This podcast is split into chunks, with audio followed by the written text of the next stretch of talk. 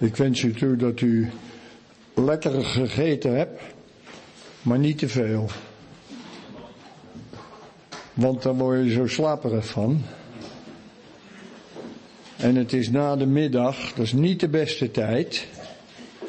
En u kent het verhaal van Abraham, denk ik, dat hij op het heetst van de dag aan de ingang van zijn tent zit. En dan komen er drie mannen langs. En het zou voor de hand gelegen hebben dat Abraham bij zichzelf dacht, nu even niet. En dat hij de luifel van zijn tent gesloten had, totdat ze voorbij waren. En dan had hij alles gemist. Dan had hij een grandioze ontmoeting gemist met God zelf. En ik wil u niet bang maken, maar als u al te veel toegeeft aan uw slaap, kunt u wel eens wat mislopen straks. Dus ik hoop dat we allemaal een beetje wakker blijven. Laten we beginnen met één tekst die ik vanmorgen al even noemde uit Johannes 1. Johannes 1 waar Jezus zegt in vers 52, voorwaar, voorwaar, ik zeg u lieden, gij zult de hemel openzien en de engelen gods opstijgen en nederdalen. En dat gaat natuurlijk over die ladder daar, hè, bij Bethel. En de engelen gods zien opstijgen en nederdalen op de ladder. Nee, in dit geval zien opstijgen en nederdalen op de zoon des mensen. Waarmee hij zegt, ik ben de ladder. Ik ben de weg, ik ben de verbinding tussen jullie en de Vader in de hemel. Niemand komt tot de Vader dan door mij. Toen wij dat vanmorgen lazen, toen dacht ik van Jacob daar in Bethel. Ja, dat, is, eh, dat, dat zouden we allemaal willen, hè. Je ligt daar, je slaapt in een ongemakkelijke situatie en dan gaat de hemel open. En dan zie je dat uit de hemel een ladder neerdaalt met de top in de hemel en met de onderkant op de aarde. En dan zie je engelen die opstijgen via die ladder en weer neerdalen. En boven aan de ladder zie je God zelf. En God gaat tot je spreken. Stel je nou eens voor dat je dat overkwam. Dat zouden we allemaal willen. En we denken allemaal, als dat mij overkwam, kon het nooit meer stuk. Als ik maar zoiets had in mijn leven, dan was ik er voor altijd doorheen. Jacob niet. Jacob niet. Het is fantastisch dat God hem zo tegemoet komt. En toch moet u eens kijken hoe het verder gaat. Dus hij, we gaan terug dus weer even naar Genesis, wat was het, 25 geloof ik.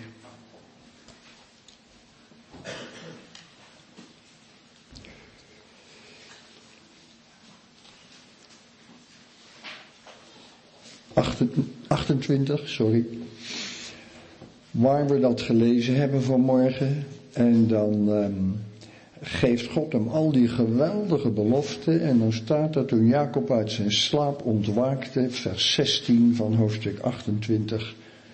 Toen Jacob uit zijn slaap ontwaakte, zei hij waarlijk, de Heere is aan deze plaats en ik heb het niet geweten.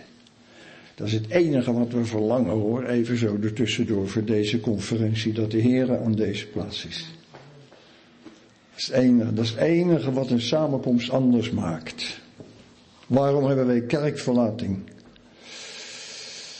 Omdat we zoveel plaatsen hebben waar we zo weinig proeven dat de Heer daar aanwezig is. Waar moeten we voor bidden voor onze kerk? Dat het plekken worden waar de Heer neerdaalt, waar Hij is. Een samenkomst is totaal anders als Hij erbij is. Ik denk vaak aan de Emmausgangers. Ze hadden het over de Heer Jezus en hun harten waren somber. En hun gezichten stonden somber. Totdat hij zich erbij voegde. En toen werden hun harten brandende in hen. Je kunt veel samenkomsten hebben waar je niet van opknapt. Waar je de kerk weer uitgaat zoals je erin gekomen bent. totdat hij er is. Als we aan één ding behoefte hebben, lieve mensen, dan is het aan samenkomsten waarvan hij in de hemel zegt, daar wil ik bij zijn.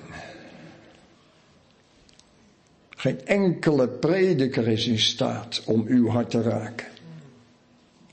Alleen hij. En samenkomsten waar hij is zijn zo anders. Ik weet dat uit een ervaring van mijn eigen leven. Als hij erbij is, is het zo anders. Even misschien, ik heb eh, veertien keer mee mogen gaan met zo'n ruim 50 jongeren van 16 tot 25 in een tweewekelijkse bijbelstudiereis. En de ene reis was beter dan de andere. Kerkelijke jongeren bij ons uit de omgeving. Maar er waren reizen bij. Dan liep je s'morgens door het gebouw. De samenkomst begon om tien uur en dan keek je op de deuren om half tien. En dan zag je op bijna alle deuren een A4'tje hangen met bezet bidstond. Dat deden ze zelf. Dat hadden wij als staf niet aan ze gevraagd. Dat was uit eigen beweging dat ze, voordat de samenkomst begon, bij elkaar, bij elkaar kwamen om God te bidden. En dan begon de samenkomst om tien uur en dan zette de piano de eerste tonen in. We hadden altijd twee pianisten. En dan zei ik in de stilte van mijn hart, bent u daar weer, Heer? Dat kon je bijna beetpakken. Wat een tijd heb ik daar beleefd met die jongeren. Dan proef je het grote verschil. En nog vaak hoor, als ik ergens naartoe ga, en ik moet zeggen dat ik het hier ontzettend naar mijn zin heb bij jullie. Als ik ergens naartoe ga, dan vraag ik vaak, heer, ga ik naar een plaats waar u bent? Gaat u daar ook heen? Wat een verschil in spreken. Als je ergens komt waar je zo weinig proeft van hem, dan ga je weer naar huis en dan denk je, nou, ik hoop, hoop dat er wat overgekomen is. Hier is het goed. Hier is het goed om hier te zijn. En ik dank God voor zijn werk hier, voor zijn tegenwoordigheid hier. Nou, dat even terug naar dat Bethel. Hè. Dat was een plek waarvan Jacob dus zegt, dan gaan we weer terug naar de tekst, waarvan Jacob zegt, waarlijk, de Heere is aan deze plaats. Er zijn tientallen verhalen in de Bijbel die, die zo dan bij me boven komen waar God verscheen aan mensen. Ik vind dat de mooiste verhalen uit de Bijbel. En ik kom in de verleiding om er een paar te noemen, maar de tijd gaat door, dus we lezen verder. Waarlijk, de Heer is aan deze plaats en ik heb het niet geweten. Heb je weer zoiets? Vaak weet je het pas achteraf. Kan zijn dat je het pas tot je doordringt als je morgen naar huis rijdt. Je denkt, ja, dat was toch wel even, dat was toch wel anders. De Heere was aan deze plaats, is aan deze plaats en ik heb het niet geweten. En hij vreesde en zei, hoe ontzagwekkend is deze plaats. Dit is niet anders dan een huis gods. Heb je het weer, hoe noemen wij onze kerken, een huis gods. Ja, dan hoop je wel dat je God thuis treft als je naar zijn huis gaat. Dit is een huis gods, zegt hij. Dit is de poort des hemels. Dat hoort een kerk te zijn, hè? Een huisgod, de poort des hemels. Zodat je, dat het zo dicht bij elkaar komt, hemel en aarde. Dit is een huisgod, dit is de poort des hemels. En weer even terug naar mijn eerste opmerking. Is het zo nou goed tussen Jacob en de Heere God na zo'n geweldige openbaring? Nou, ik sla een paar versen over. Hij zegt in vers 20, en Jacob deed een gelofte. Hij doet er in elk geval wat mee. Hij belooft iets aan de Heere God en zegt, indien, let op dat woordje, indien, en dan noemt hij vijf voorwaarden. Eén, indien God met mij zal zijn. Twee, en mij behoeden zal op deze weg die ik ga. Drie, mij zal geven brood om te eten. En vier, klederen om aan te trekken. En vijf, en ik behouden tot mijn vaders huis wederkeer. Dan zal de Heer mij tot een God zijn. Ken je dat?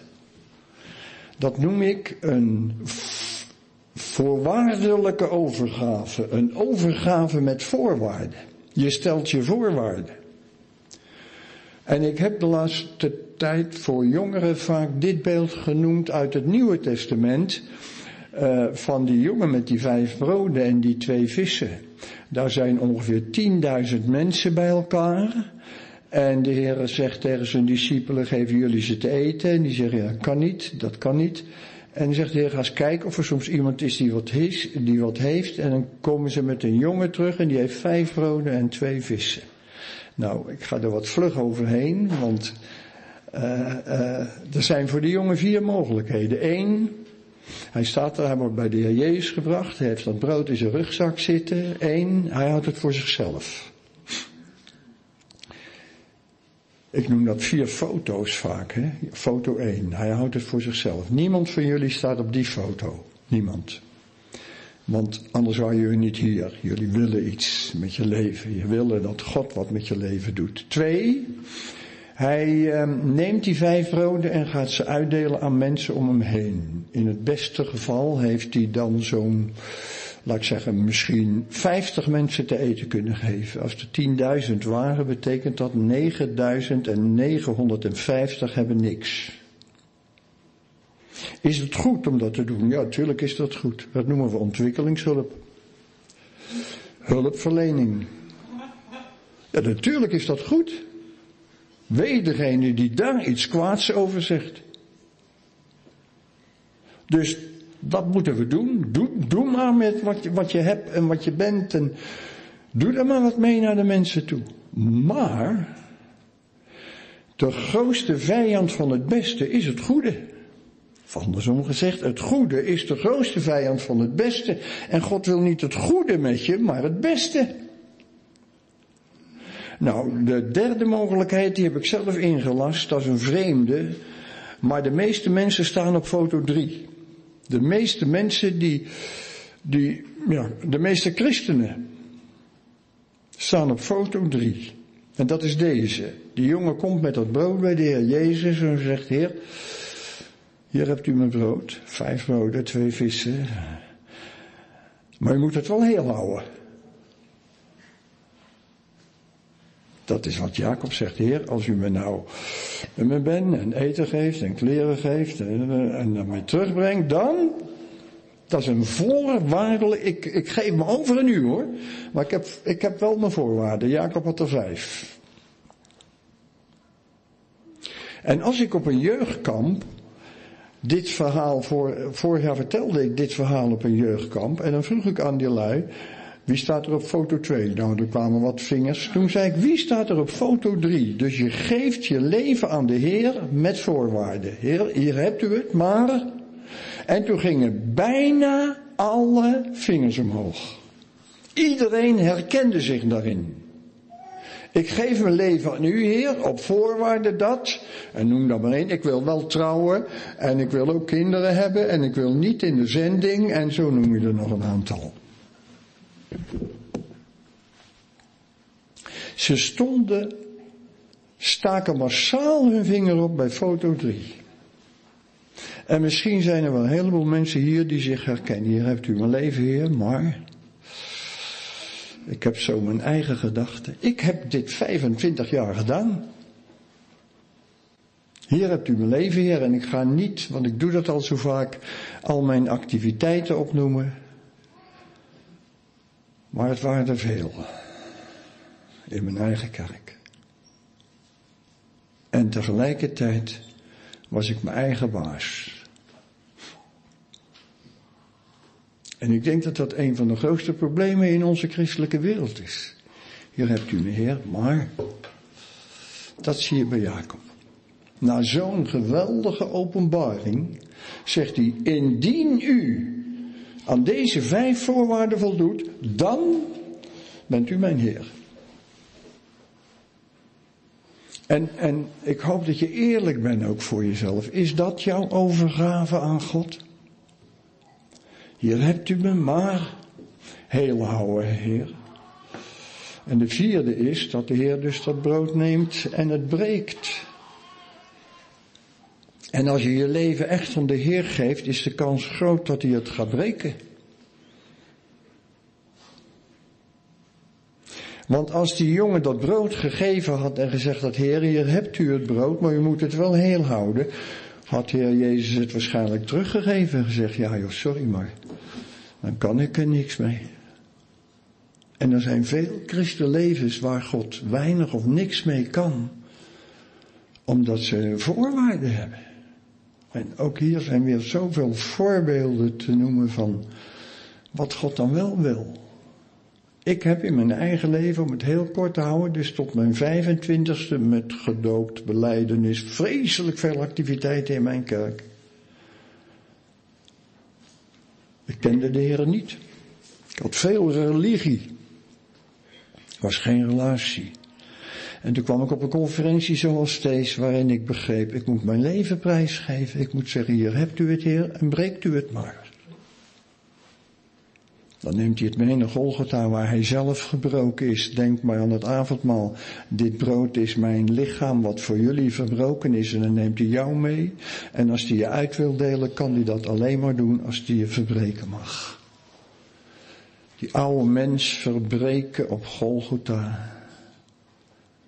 Die in de praktijk dan steeds meer slinkt zodat je gaat leren te leven uit die nieuwe mens. Die oude die tot niets goeds in staat is, moet de dood in, ook in de praktijk van het leven. En die nieuwe Godsgeest in je, die de goede dingen doet, die, die gaat leven in je. Maar dan moet God je kunnen breken, dan moet je je meenemen naar Golgotha. Ik wilde dat niet. Ik heb toen tegen God gezegd, Heere God, ik wil wel veel godsdienstiger worden dan ik ben, maar ik zeg geen ja tegen u. Ik had er angst voor. Ik was in mijn jeugd erg onzeker geweest, veel gepest. Als tiener daar bovenuit gegroeid en toen ik op die leeftijd van een jaar of 25 was, was ik behoorlijk geaccepteerd en voelde me goed. En ik dacht, ja, als ik nu ja zeg tegen de Heere God, dan moet ik weer terug naar dat leven van een watje zoals ik dat was als kind. En ik had daar waandenkbeelden over wat God met mij zou kunnen gaan doen als hij de beschikking over me kreeg. Daarom zei ik, dat wil ik niet. Ik wil wel godsdienstig worden, maar ik zeg geen ja. Maar Gode, zij dank, hield hij niet op met te kloppen op mijn deur. En ben ik op een bepaald moment voor mijn bed neergeknield en heb gezegd, hier hebt u me. Je mag alles doen wat u wil. Toen kwam er eerst een hele moeilijke week. En daarna, als ik dat in twee woorden samenvat, zeg ik, God heeft mij dwars door de modder heen geweldig verwend. Geweldig verwend. Hij is zo fantastisch. Hij is zo fantastisch. In zijn handen zijn is zo'n geschenk. Is zo grandioos. En nogmaals, Jezus zou tegen die jongen gezegd hebben, als hij zei, hier hebt u het heer, maar u moet het heel houden. Jongen, dan kan ik er niks mee. En ook daarover zou ik zoveel kunnen zeggen. God kan zo weinig met je leven, als je je aan overgeeft onder voorwaarden. Daarom, en daar moet Jacob naartoe, hè? daar gaat het om. Dus hier is hij nog na die geweldige openbaring, eigenlijk nog niet zoveel verder. Dan gaan we een paar dingen overlezen. Dan gaat hij dus op weg. En dan komt hij daar. Na, het is wel zo'n duizend kilometer geloof ik. Dus hij zal er wel, ik weet niet hoe lang over gedaan hebben, een week of vier, vijf. Dood op, lopen, alleen zegt hij later, en met mijn stok, mijn stok alleen, met mijn staf alleen ging ik hier over de Jordaan. Verder had hij niks. En dan komt hij daar bij, um, nou laten we een paar versen lezen, hoofdstuk 29. En Jacob begaf zich op weg en ging naar het land der stammen van het oosten. Toen hij rondkeek, zag hij een put in het veld. En zie, drie kudde kleinvee waren daarbij geleverd. Want men placht de kudde uit die put te drinken. De steen op de opening van de put was groot. Als alle kudden daar bijeengedreven waren, wentelde men de steen van de opening van de put en drenkte het vee. Um, dan zegt hij, vers 4. En Jacob zei tot de herders, mijn broeders, van waar zijt gij? En ze zeiden, wij zijn uit Haran. Daarop zei hij tot hen, Ken je, kennen jullie ook Laban, de zoon van Nahor? En ze zeiden, ja. Vervolgens zeiden ze tot hen, gaat het wel met hem? En ze zeiden, ja, maar zie, daar komt zijn dochter Rachel aan met het kleinvee. Nou, dan komt Rachel daar aan en dan staat er, uh, zodra Jacob Rachel, de dochter van Laban enzovoort, uh, trad Jacob toe, wentelde de steen van de opening van de put en drenkt het vee. In zijn eentje doet hij waar een heleboel mannen met elkaar grote moeite voor hadden. Wij zouden het woord macho gebruiken, denk ik. Misschien een beetje onder de indruk van Rachel. Dat vul ik in, maar ik kan me dat wel voorstellen. Dan hij trad toe, wentelde de steen van de opening van de put en drenkte het vee van Laban, de broer van zijn moeder. En Jacob kuste Rachel. Dat was nou niet zo gebruikelijk in die cultuur. Hij had ze van zijn leven nog nooit gezien. En in ene keer valt hij om de nek en kust hij haar. Ook wel een beetje te begrijpen als je een week of vier, vijf in de wildernis geweest bent. Want wat staat er van Rachel? Jacob kuste Rachel en verhief zijn stem en weende. Nou, dan praten ze even met elkaar. En dan lees ik, nou, dan komt hij uiteindelijk, wordt hij meegenomen, komt hij daar bij Laban. Um, en dan zegt hij in vers 15, en Laban zei tot Jacob, zoudt gij, omdat gij mijn bloedverwant zijt, mij dienen om niet? Zeg mij wat uw loon moet zijn. Nu had Laban twee dochters. De oudste heette Lea en de jongste Rachel. Lea's ogen waren flets. De Statenvertaling zegt het mooier, vind ik. Leo's, Lea's ogen waren teder. Teer, teder. Maar Rachel was schoon van gestalte en schoon van uiterlijk. En Jacob had Rachel lief. Rachel was schoon van gestalte en schoon van uiterlijk. De Joodse vertaling zegt heel simpel dit. Rachel was, had een mooi figuur en een knap gezicht. Dat is meer onze taal. Ze had een mooi figuur en een knap gezicht. En waar kijken mannen naar? Naar de buitenkant. Ook als ze verkering zoeken. En uh, moet je eens kijken hier, Jacob, hoe dat gaat. Hij laat zich volkomen leiden door zijn gevoelens. Een meisje met een mooi figuur en een knap gezicht. En hij vliegt er om de hals en hij kust haar en hij krijgt haar lief.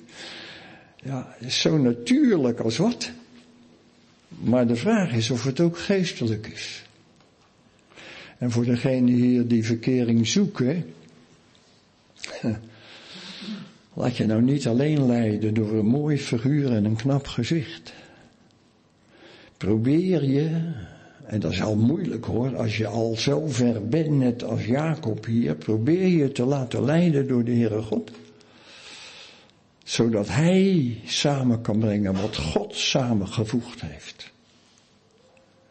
Dat is niet zo simpel, zeker niet in onze tijd. We weten allemaal in welke tijd we leven. Zelfs al heb je meisje nog nooit gezien, dan, dan als je, ja ik niet meer, maar als je jong bent, je kan, je kan zomaar tegenwoordig een kus geven, dat is wel het allerminste wat je doet.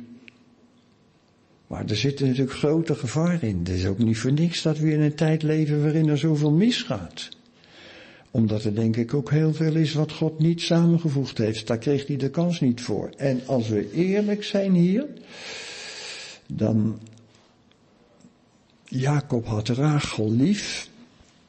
Hij heeft ook wel wat moeilijke negatieve dingen met haar beleefd. Ik denk dat wij daar morgen nog wel op terugkomen.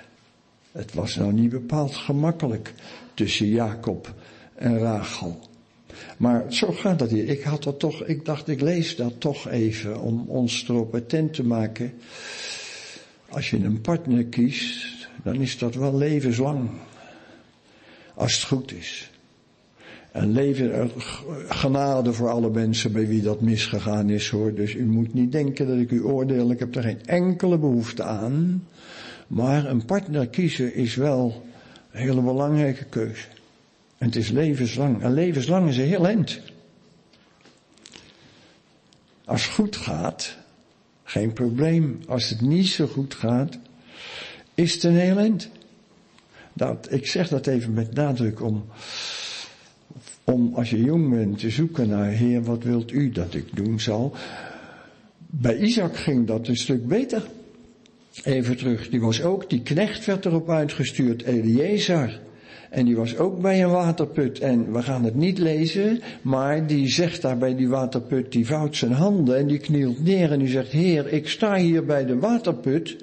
Laat het nou zo zijn dat als er een meisje komt en ik vraag aan haar, heb je wat te drinken voor me? En ze geeft het. En als ze dat gedaan heeft en als ze dan tegen me zegt, ik zal het ook voor de kamelen gaan halen. Die is het dan heb je in elk geval de hemel ingeschakeld. Ik uh, mag wel even voor de tijd misschien, maar ik, uh, bij, bij Marianne en mij ging het een beetje zo. Ik heb daar later pas een beetje over nagedacht hoor. Maar wij zaten samen, ik was voorzitter van de, van de jongelingsvereniging en zij van de, zat in het bestuur van de meisjesvereniging. Uh, ze is zeven jaar jonger dan ik. En, uh, en ik, we hadden een jaarfeest, zo deden we dat vroeger op die verenigingen, met een toneelstuk. En ik moest het decor, in, onder andere moest ik het decor inrichten.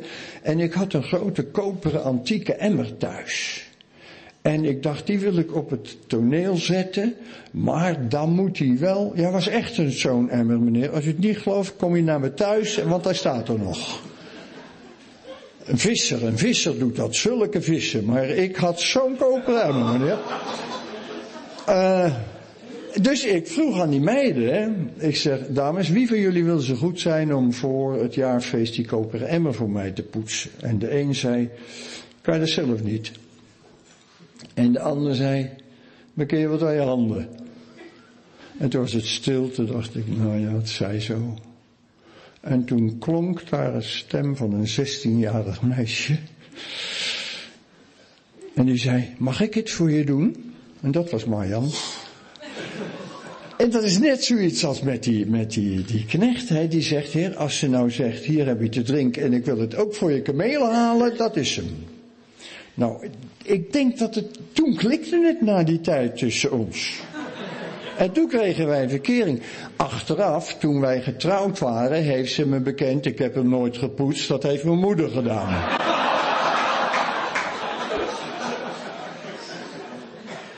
Maar het gaat me er eigenlijk allemaal een beetje om. Probeer de hemel in te schakelen als je zoekt naar een levenspartner. En dat verzuimt Jacob hier wel.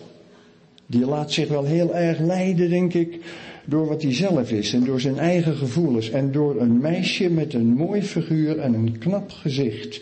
Nou, dan komt hij daar, je weet het, dan, uh, nou vertel ik het maar even uit mijn hoofd, uh, want we kennen dit denk ik wel. Dan, dan zegt hij, dan zegt Laban, wat wil je hebben, wat is je loon? Dan zegt hij, nou ik wil zeven jaar werken voor Rachel.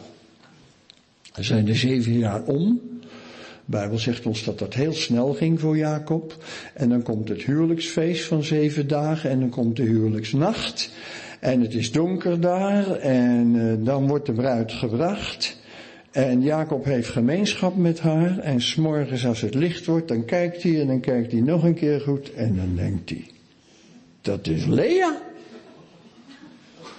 Al een heel leuk woord, vind je niet? Ik heb een vriendin in Israël die heet zo, dus wij pesten haar daar nog alles mee. En zie, het was Lea.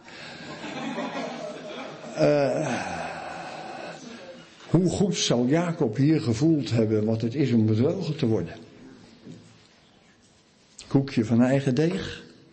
Twee keer heeft hij zijn broer bedrogen en een keer zijn vader. En hij heeft zich waarschijnlijk nooit gerealiseerd hoeveel pijn of die die ander ermee gedaan heeft. En nu gaat het langzaam tot hem doordringen. Dat is allemaal het werk van Gods geest. God heeft er niks over gezegd, maar hij brengt hem in een situatie waarin Jacob denkt, och, och, wat heb ik gedaan met mijn broer Esau? Wat is het verschrikkelijk om bedrogen te worden. Dat is de manier waarop God werkt.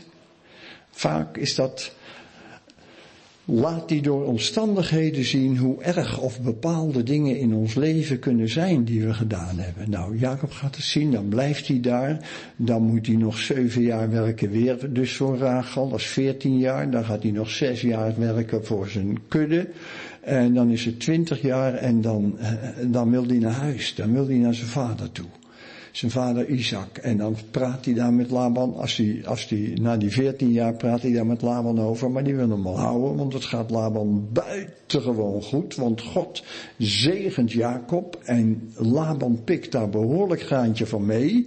Uiteindelijk na twintig jaar, en dan heb je het dan weer, laat God hem zien, Jacob, nu is de tijd om terug te gaan naar het land wat voor jou zal zijn en voor je nageslacht. En dat, ja, dan durft Jacob weer de confrontatie niet aan. Dan gaat hij als zijn schoonvader eh, weg is, als oom Laban weg is, knijpt hij er tussenuit. En dan na drie dagen komt, komt Laban thuis en die hoort wat er gebeurd is en die gaat hem achterna. En dan hebben ze hele felle gesprekken met elkaar. Maar God beschermt Jacob, wordt daar prachtig ook gezien. En dan gaat Jacob uiteindelijk, Laban gaat terug en Jacob gaat verder. En dan wordt Jacob steeds onrustiger en steeds benauwder. Want hij verlangt er aan de ene kant ontzettend naar om naar huis te gaan, naar zijn vader. Maar hij weet ook, daar ontmoet ik Esau. En Esau heeft gezworen, als vader dood is, dan zal ik je doden. En Jacob is doodsbang. En hij wil maar hij durft bijna niet. En dan zie je, misschien wel voor de eerste keer echt, dat, we, nou, dat weten we ook niet. Maar dan zie je hoe die in de knoei komt. Dan komt God hem nog tegemoet, hoofdstuk 32 even. Ook Jacob ging zijn weegs en de engelen gods ontmoetten hem. Toen die hen zag, zei Jacob, dit is een leger gods. Dat moet een bemoediging geweest zijn. Maar het neemt zijn angst niet weg. Dan staat er in vers 9, toen zei Jacob, O God van mijn vader Abraham en God van mijn vader Isaac, Heere, die tot mij gezegd hebt, keer terug naar uw land en naar uw maagschap en ik zal u wel doen. Ik ben te gering voor al de gunstbewijzen en voor al de trouw die gij aan uw knecht bewezen hebt. Want met mijn staf trok ik over de Jordaan hier en nu ben ik tot twee legers geworden. Red mij toch uit de hand van mijn broeder, uit de hand van Esau, want ik ben bevreesd voor hem.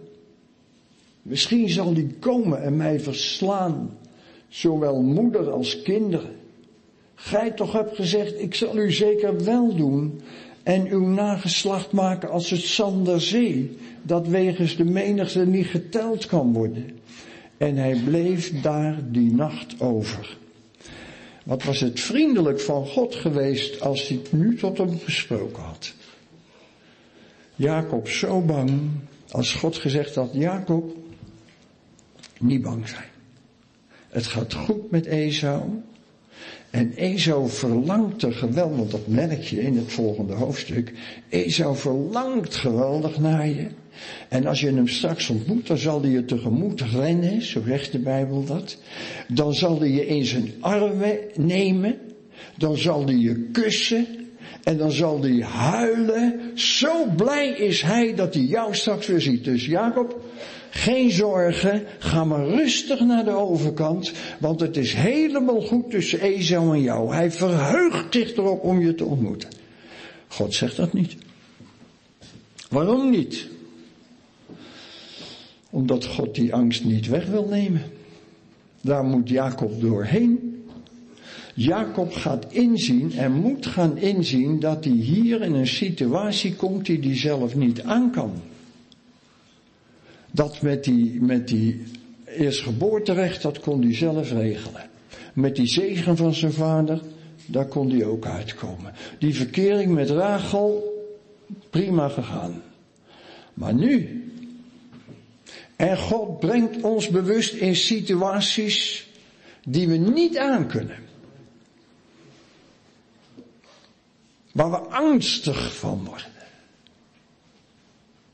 Om ons te leren echt tot een overgave te komen. Echt tot hier hebt u het, Heer. En dat is wat Jacob meemaakt. God neemt zijn angst niet weg.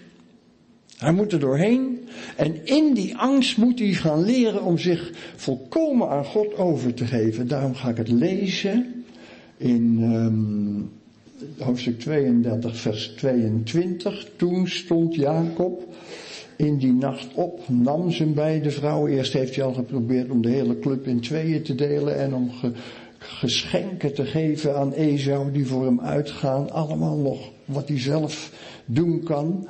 Toen stond hij in de nacht op, nam zijn beide vrouwen, zijn beide slavinnen, zijn elf zonen en trok de doorwaadbare plaats van de Jabok over. Hij nam hen en deed hen de beek overtrekken. En hij bracht alles wat hij had naar de overzijde. Zo bleef Jacob alleen achter. Je kunt alles wat je hebt naar de overkant brengen, aan God overgeven. Maar het moeilijkste om aan God over te geven, dat ben je zelf.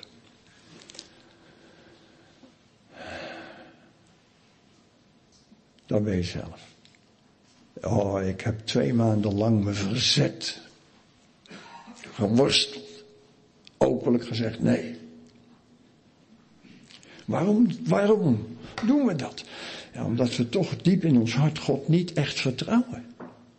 We zijn bang dat hij dat, ja, dat hij daar verkeerd mee omgaat, dat er dan allemaal nare dingen komen. En Jacob bleef alleen achter. Zijn vrouwen, zijn kinderen, zijn bezittingen, alles was naar de overkant. Jacob niet. En dat moet hij heel goed aangevoeld hebben.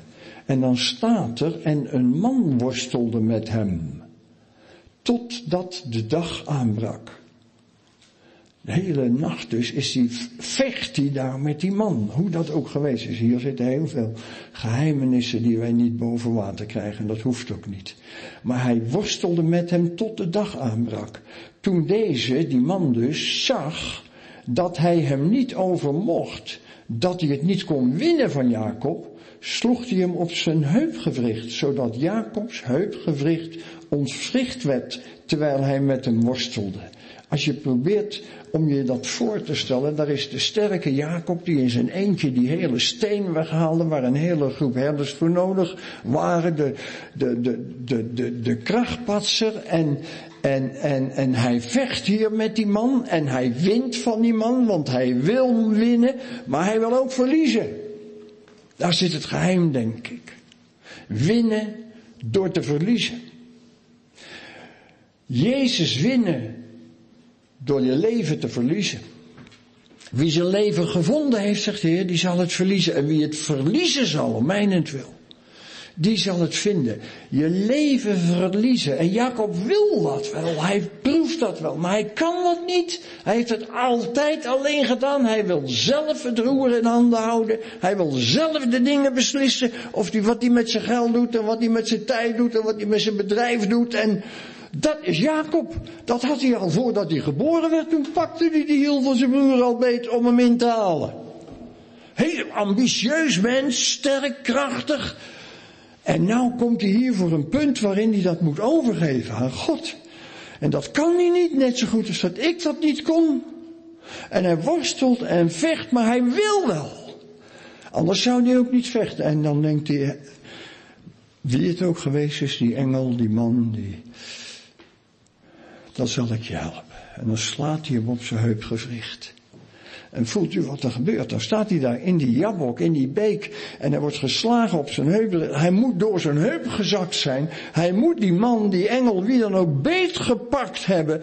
Om, en aan hem hangen. Dat is precies wat God wil.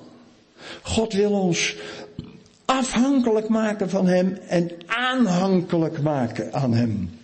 Zodat je in alle eerbied aan hem hangt. Het leven met God is een leven van afhankelijkheid. En dat is voor ons zo moeilijk. We willen onafhankelijk zijn. Onafhankelijk God dienen. Onafhankelijk kerkelijk zijn. Maar God wil dat we afhankelijk worden van Hem. Wat Jezus zegt van zichzelf, ik kan niks doen. Of ik moet het mijn vader zien doen. Wat hij zegt van ons, zonder mij kan je niks doen. Dat is lastig. Iemand heeft eens gezegd, preken uit eigen kracht is heel wat makkelijker dan in afhankelijkheid van God. Hem het werk te laten doen, het aan hem over te laten. Ja, dat, dat is heel wat moeilijker. En Jacob, ja, die worstelt daarmee en de engel slaat hem op zijn heupgewricht.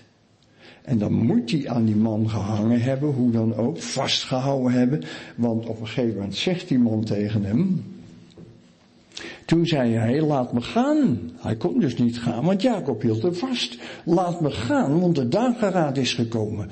Maar Jacob zei, ik laat u niet gaan. Tenzij u me zegent. Ik laat u niet gaan. En dan, dan, dan gebeurt dat, hè. Tussen die twee. Ik laat u niet gaan. Tenzij gij mij zegent. Zie hier hetzelfde. Jacob wint hier door te willen verliezen. Golgotha heeft Jezus gewonnen of verloren? Golgotha heeft Jezus gewonnen of verloren? Hij heeft gewonnen door te verliezen. Tot de dood van het kruis. Tot hij gedragen werd en in het graf werd gelegd. Dat is wat Jezus, wat God met ons wil. Je leven verliezen. En dat is wat hier met Jacob gebeurt. Jezus heeft gewonnen door te verliezen. Hoeveel conflicten in ons leven zouden wij niet kunnen winnen als we zouden willen verliezen? Maar dat willen we meestal niet. We willen winnen. En daardoor verliezen we het. Hoeveel kerkscheuringen zijn er ontstaan? Doordat mensen niet wilden verliezen, maar winnen. En niet ontdekt hebben dat ze pas zouden winnen als ze wilden verliezen. Hoeveel huwelijken zijn er stuk gegaan? Omdat we allebei, de twee, twee partners, dat is een van de grote moeilijkheden in een huwelijk. Hè? Als we een conflict hebben in ons huwelijk, dan zit het altijd bij die ander. Ken je dat?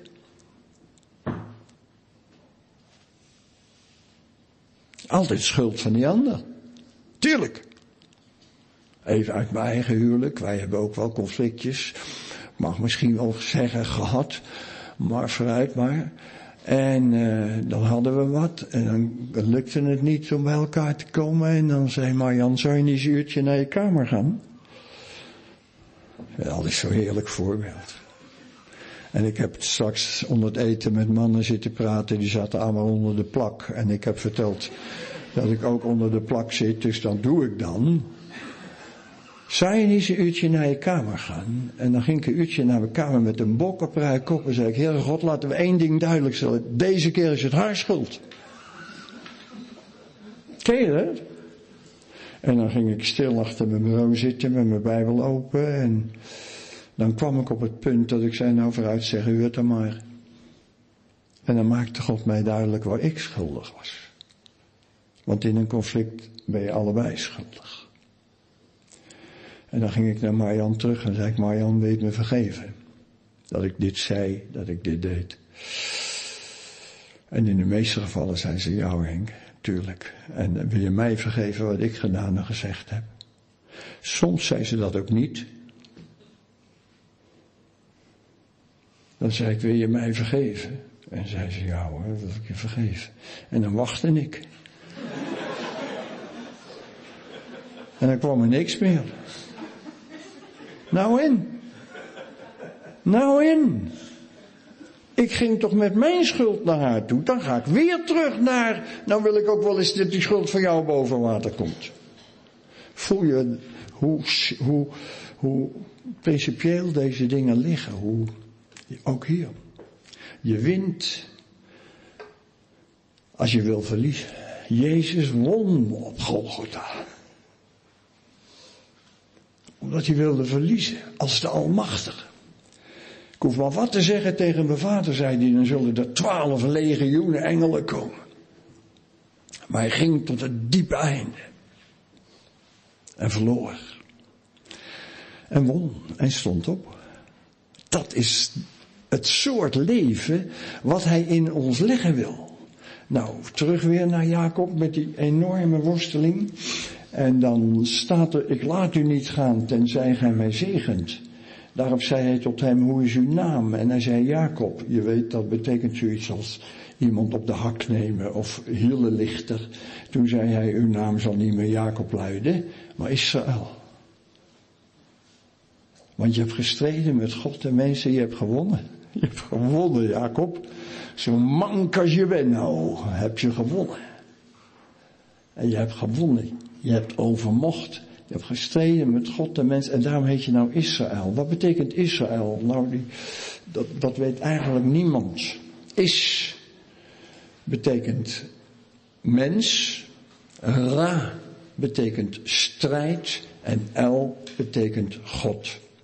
En dat kun je op verschillende manieren uitleggen. De Joden leggen het uit in de sfeer van uh, een strijder voor God. Maar de, betekenis die het meest genoemd wordt is God zal strijden. En ik denk dat dat heel waardevol is om dat te gaan verstaan. Uh, mogen God strijden. God strijdt. Want ik denk dat de omwenteling hier bij Jacob vooral gelegen is in het feit dat het niet meer zijn strijd is, maar Gods strijd. Dat hij gaat ontdekken, vandaar dat lied wat we nog een keer gaan zingen, het is God en God alleen. God strijdt. Hij is degene die hier het initiatief overneemt. En hij is degene die net als bij de jongen met die vijf rode, hij kan eindeloos veel meer met jouw leven dan je er zelf mee kunt. Jij kunt misschien 50 mensen helpen, maar komt je leven in de handen van de Heer Jezus en mag hij het breken, dan kan hij je uitdelen voor zoveel. En dat zie je dus ook hier. Israël wordt je naam. Mogen God strijden. Uh, als Mozes voor de Schelfzee staat met het volk Israël, dan begint het volk te schreeuwen uit angst. En dan zegt Mozes, jullie moeten stil zijn, want God zal voor je strijden. Jullie zullen stil zijn. God zal voor je strijden. Als David voor Goliath staat, dan zegt hij, je komt me tegemoet met een zwaard en een speer en een schild. En, maar ik treed jou tegemoet in de naam van de Heer, de Heer Schaar. En God zal laten zien dat het zijn strijd is en hij zal de overwinning geven. Wat is het een omslag in je leven? En even ertussendoor, mijn boek, voor de helft gaat mijn boek daarover. Wat een omslag in je leven als je gaat verstaan dat God het overneemt van je. Dat zie je in het leven van Jacob hier gebeuren. Dat God het van je overneemt. God en God alleen. Ik zeg dan wel dit, nogmaals, eh, veel hoofdstukken gaan erover. Er zijn twee soorten godsdienst. Eén is de godsdienst van Kain. Ik dien de Heer. De ander is de godsdienst van Abel. Kain brengt zijn offer van zijn vruchten en zijn akker. En Abel, die doodt een dier. En Abraham neemt dat later over als hij met zijn zoon Isaac op weg gaat. En Abraham zegt God en Isaac vraagt waar is nou het offer? Die is vuur en hout, maar waar is het offer? En dan zegt God, Abraham, God zal zichzelf voorzien. Van een lam ten brandhoofd voor mijn zoon. Het is God en God alleen. En het duurt heel lang voordat we dat leren, die twee soorten godsdienst. Bij Kaan en Abel kun je het nog niet zo goed zien, het verschil, maar die lijn loopt door in de Bijbel. En naarmate je verder gaat, bij Abraham zie je het, bij Isaac zie je het, bij Jacob zie je het, bij Mozes zie je het. Allemaal beginnen ze met, en dat doen wij ook, dat zegt Paulus ook, het geestelijke komt niet eerst, zegt hij, maar het natuurlijke.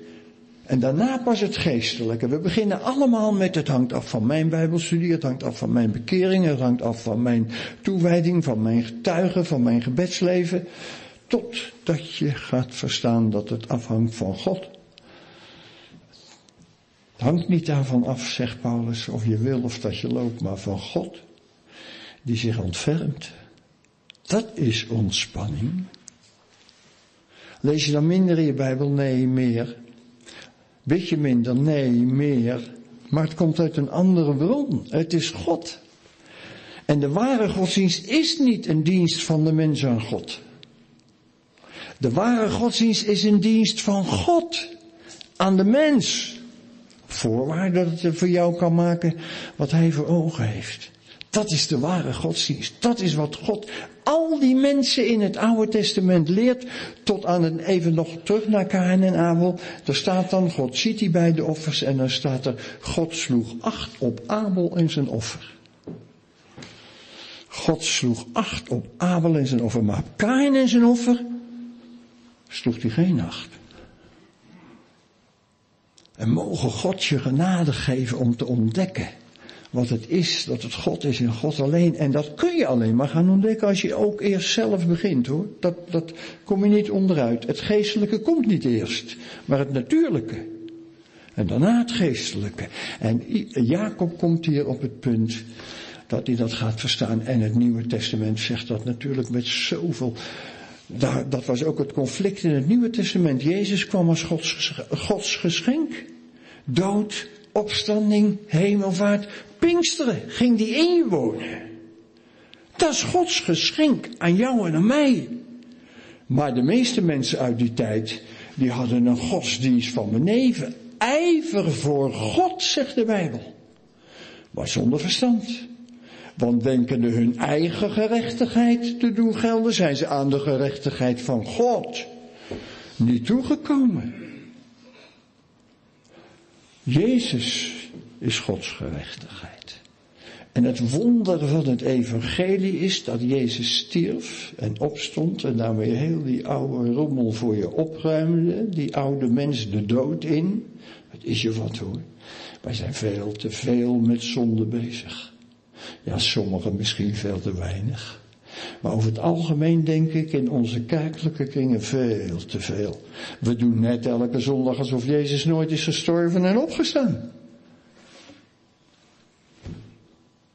Maar het evangelie zegt hij is gestorven om onze zonde en opgestaan voor onze gerechtigheid.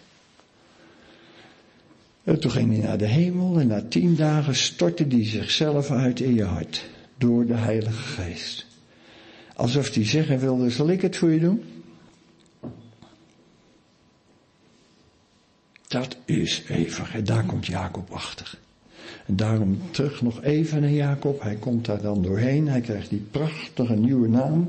Mogen God strijden, Israël.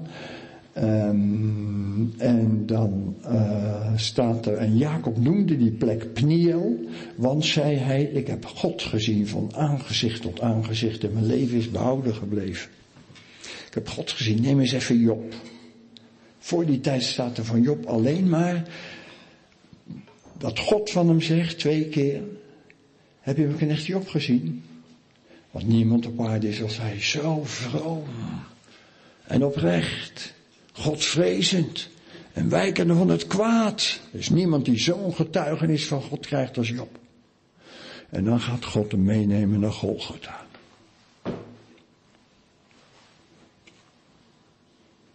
duivel zegt makkelijk praten met je op, alles zit er mee. Nou, zegt God, ga je gang. Denk je, je blijft er leven af. Dan ga je gang. En dan gaat hij door de diepte.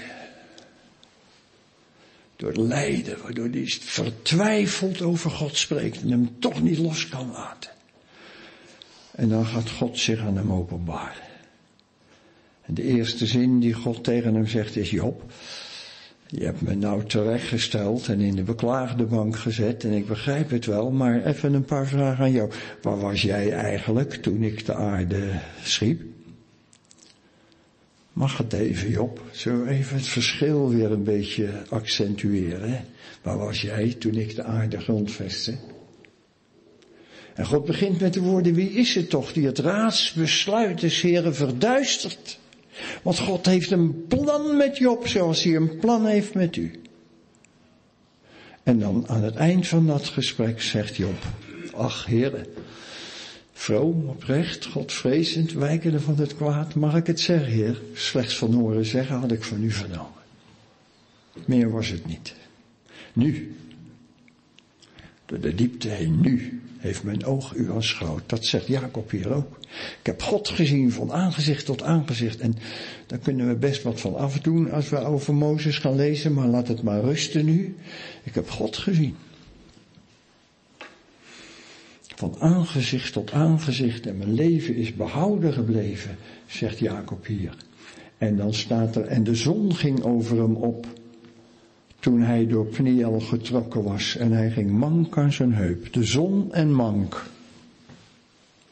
Ga vaak samen. Een gehandicapte de rest van zijn leven. Hoewel, hoe lang dat geduurd heeft, weet ik niet, maar in elk geval hier. De zon en mank. Wat wil je, rechtop blijven staan? In een verduisterde hemel? Of mag God je aan je heup raken, waardoor je je eigen kracht kwijt bent? En hangt aan Hem. En daardoor iets krijgt met Hem en daar gaan we het morgenmiddag over hebben. Om te laten zien wat Jacob kreeg met God. Hoe het werd in zijn leven. Hoe die zegt straks tegen Esau, God is mij genadig geweest. En ik heb alles. Alles. Mogen God u genade geven om de smaak te pakken te krijgen. Van het omgaan met Hem. En te zien dat Hij de hele verantwoording voor je leven neemt. Daar ben je bij betrokken. Daar ben je bij betrokken. Dus denk niet dat je dan achterover kan leunen. Maar toch, je vertrouwen is op Hem. Hij die gezegd heeft, ik laat nooit varen. Het werk wat ik met jou begon. En de meeste van jullie zijn een heel stuk jonger dan ik. Wat is het heerlijk als je er nog zo voor staat. En zeggen kan wat Jacob zei, niet meer van Heer vijf voorwaarden en dan bent u mijn God. Nee, nee, nee. Ga nu gang. Sla me dan maar op mijn heup, of wat het ook zijn moet, hier hebt u mijn leven. En wat is er iets moois uitgekomen uit dat leven? Wat een man is dat geworden in Gods koninkrijk. En straks, dat weet je, komen van oost en west aanliggen. Met Jacob in het koninkrijk der hemelen. Jacob. Proef je een beetje wat God je aanbiedt? Zullen we een ogenblik stil zijn?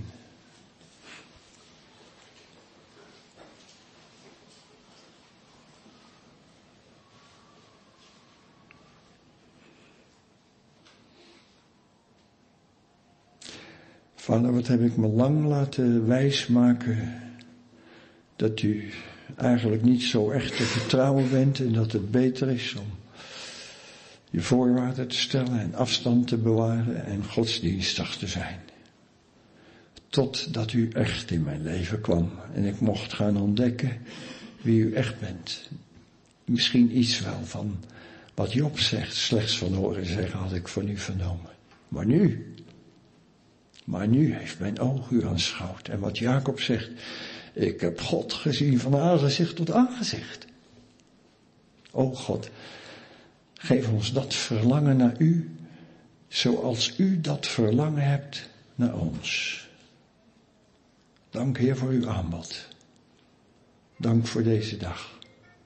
Amen.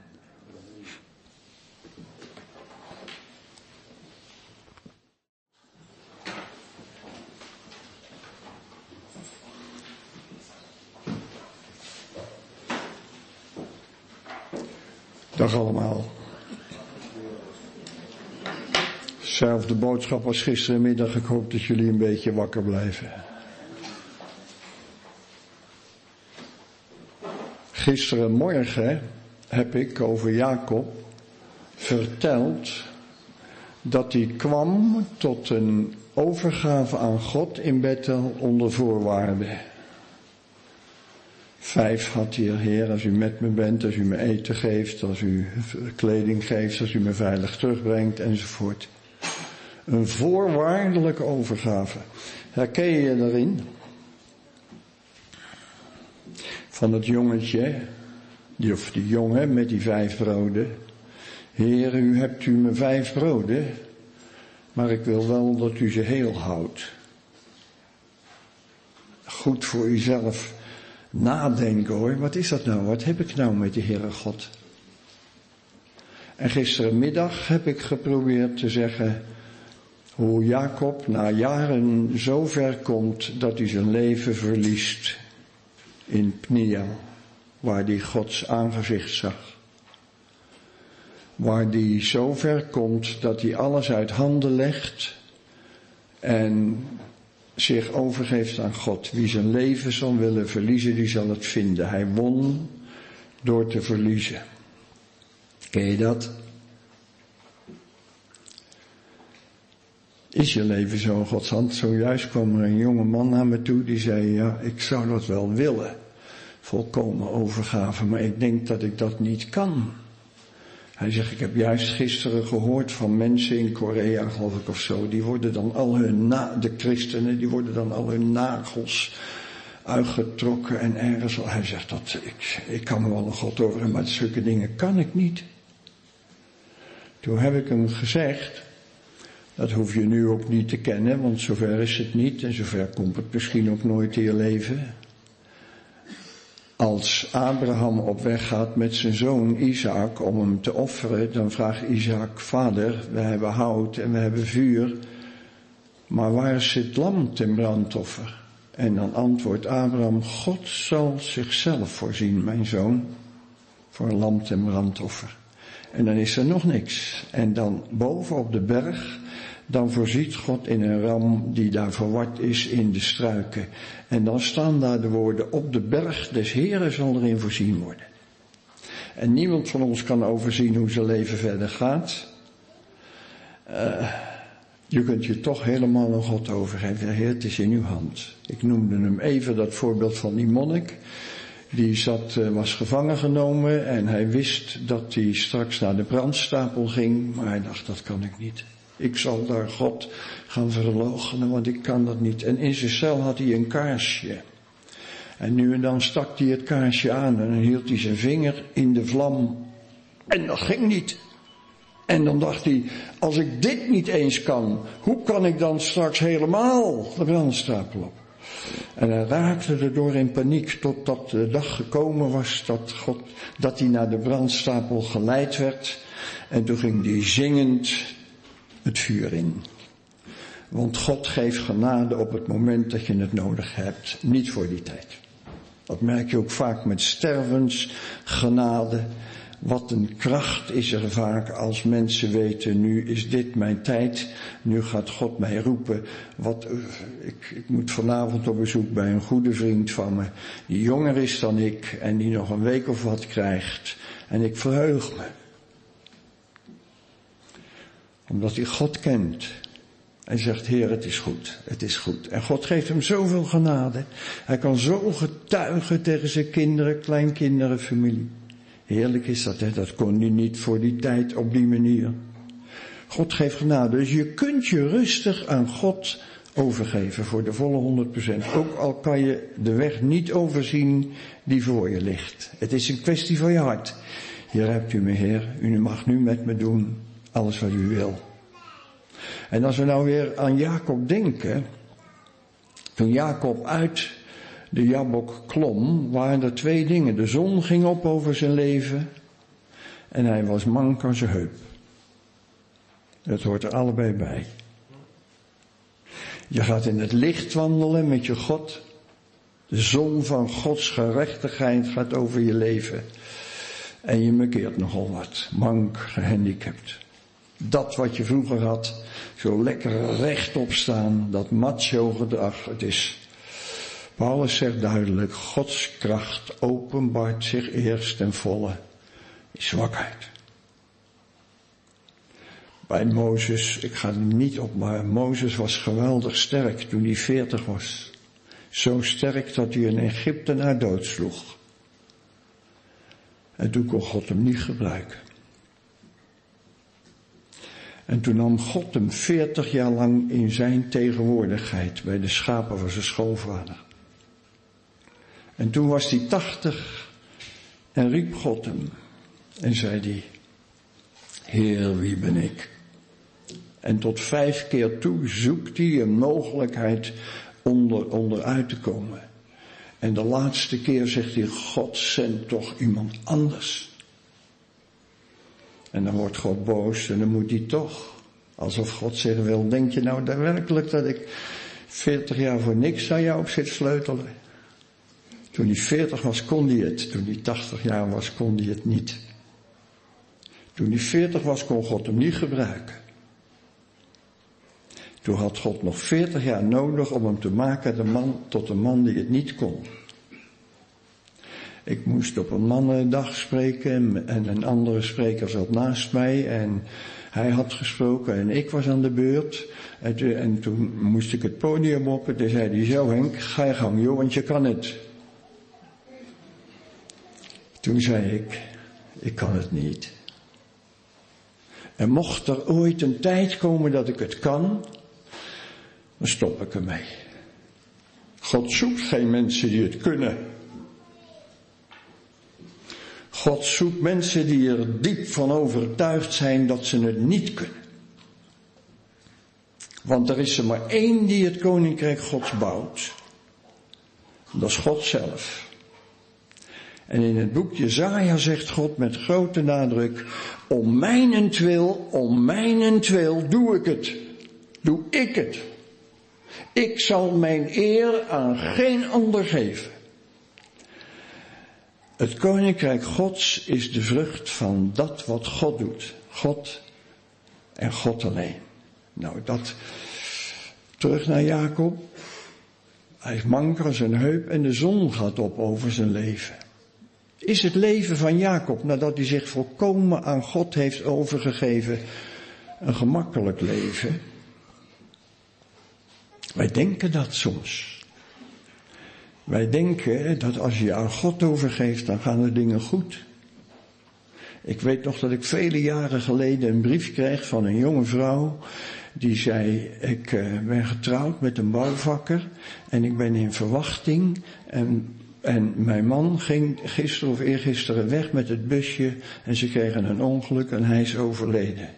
En ik heb God zo trouw gediend. Ja. God heeft ons niet een makkelijke weg beloofd. En als je naar het leven van Jacob kijkt, dan zegt hij, misschien komen we er nog tegen de farao, uh, het aantal jaren van mijn leven is kort en ze zijn zeer kwaad. Ze zijn kwaad. Weinige zijn de dagen en kwaad. Dat is wat hij getuigt tegen de farao. En dan moet je kijken, want we gaan de Bijbel nu lezen hoe het gaat met Jacob als hij komt uit de Jabok, waar hij zich volkomen aan God heeft toevertrouwd. Er mank uitkomt en de zon in zijn leven schijnt. Hoofdstuk 34 van Genesis. Het is het eerste wat er vermeld wordt nadat hij dus Esau ontmoet heeft. Het eerste wat er vermeld wordt. Hoofdstuk 34 vers 1. Je weet dat hij had twaalf zonen en één dochter. Nou hier gaat het over die dochter. Dan denk ik wel erg gek op te geweest zijn, vooral als je er maar één hebt. Dina, de dochter van Lea, die ze Jacob gebaard had, ging eens uit om de dochters van het land te bezoeken. Toen zag haar Sichem, de zoon van de Hevit Hemor, de vorst van het land. En hij nam haar en lag bij haar en verkrachtte haar. Dat is het eerste wat vader Jacob overkomt. Na een totale overgave van God. En hij verkracht haar. En de gevolgen daarvan zijn, zijn zonen komen thuis en Jacob vertelt wat er gebeurd is. De jongens zijn zo kwaad dat zonder vader daarin te betrekken, wordt er een soort list bedacht met besnijdenis. Alle mannen uit die plaats worden besneden. Dan zou dat huwelijk door kunnen gaan. En op de derde dag, als ze op zijn zwakst zijn, dan gaan Simeon en Levi met hun wapenen de stad binnen en moorden alle mannen uit van dat stadje. Jacob, na een totale over, zijn dochter verkracht, zijn zonen die een, die een, die een dorp uitroeien, alle mannen daarvan. En Jacob wordt bang en weet niet hoe hij verder moet bijna. Dan staat er in vers 30. Toen zei Jacob tegen Simeon en Levi, jullie hebben mij in het ongeluk gestort door mij in een kwade reuk te, brengen bij de inwoners van dit land, bij de Canaanieten en de Ferezieten, terwijl ik slechts met weinig lieden ben. Als ze tegen mij samenspannen, zullen ze mij verslaan. En ik zal verdelgd worden, ik en mijn huis. Was net veilig door die beek gekomen. Esau had hem niks gedaan en nu wordt hij hierdoor bedreigd. En dan verschijnt God. En God zei tegen Jacob, maak je reis vaardig, trek naar Bethel. Daar was hij meer geweest, hè. Huis Gods. Trek naar Bethel, zoals altijd hoor in ons leven. Altijd teruggaan naar de plek waar God er nog was. Maak je reis vaardig, trek naar Bethel, blijf daar en richt daar een altaar op voor de God die u verschenen is toen gij vluchtet voor uw broer Esau. Toen zei Jacob tot zijn huis en tot alle die bij hem waren, doet weg de vreemde goden die in uw midden zijn. Reinigt u en verwisselt uw klederen. Laten we ons dan gereed maken en naar Bethel trekken. En ik zal daar een altaar oprichten voor die God die mij geantwoord heeft ten dagen mijner benauwdheid. En die met mij geweest is op de weg die ik gegaan ben. Toen gaven ze Jacob al de vreemde goden die in hun bezit waren. Al die afgoden worden ingeleverd. En ik kan het niet laten om daar even bij stil te staan.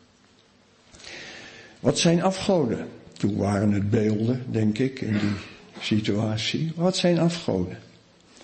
Een afgod is alles wat je van God afhoudt. Dat vind ik de beste definitie hierbij. Een afgod is alles wat je van God afhoudt. En dat kan voor alles zijn. En ik kan het niet laten om dat nog weer een keer te benadrukken. Wij leven in een tijd in Nederland van een enorme afgoderij. Onder de christenen. Profeten in het Oude Testament, die keken altijd naar het volk vanuit een hemels perspectief. En als ik dan naar christelijk Nederland kijk, dan ben ik verschrikkelijk blij met zoiets als dit. En toch ben ik ook vaak heel verdrietig vanwege alles wat ik om me heen zie. Weet je, er is in, Nederland, er is in deze wereld veel christenvervolging, dat weten we allemaal. Zou de duivel ons in Nederland met rust laten? Nee, natuurlijk niet. Hoe doet hij het hier dan? Hij heeft hier een andere tactiek. Wij komen niet in de gevangenis. Wij, dat soort dingen gebeuren hier niet.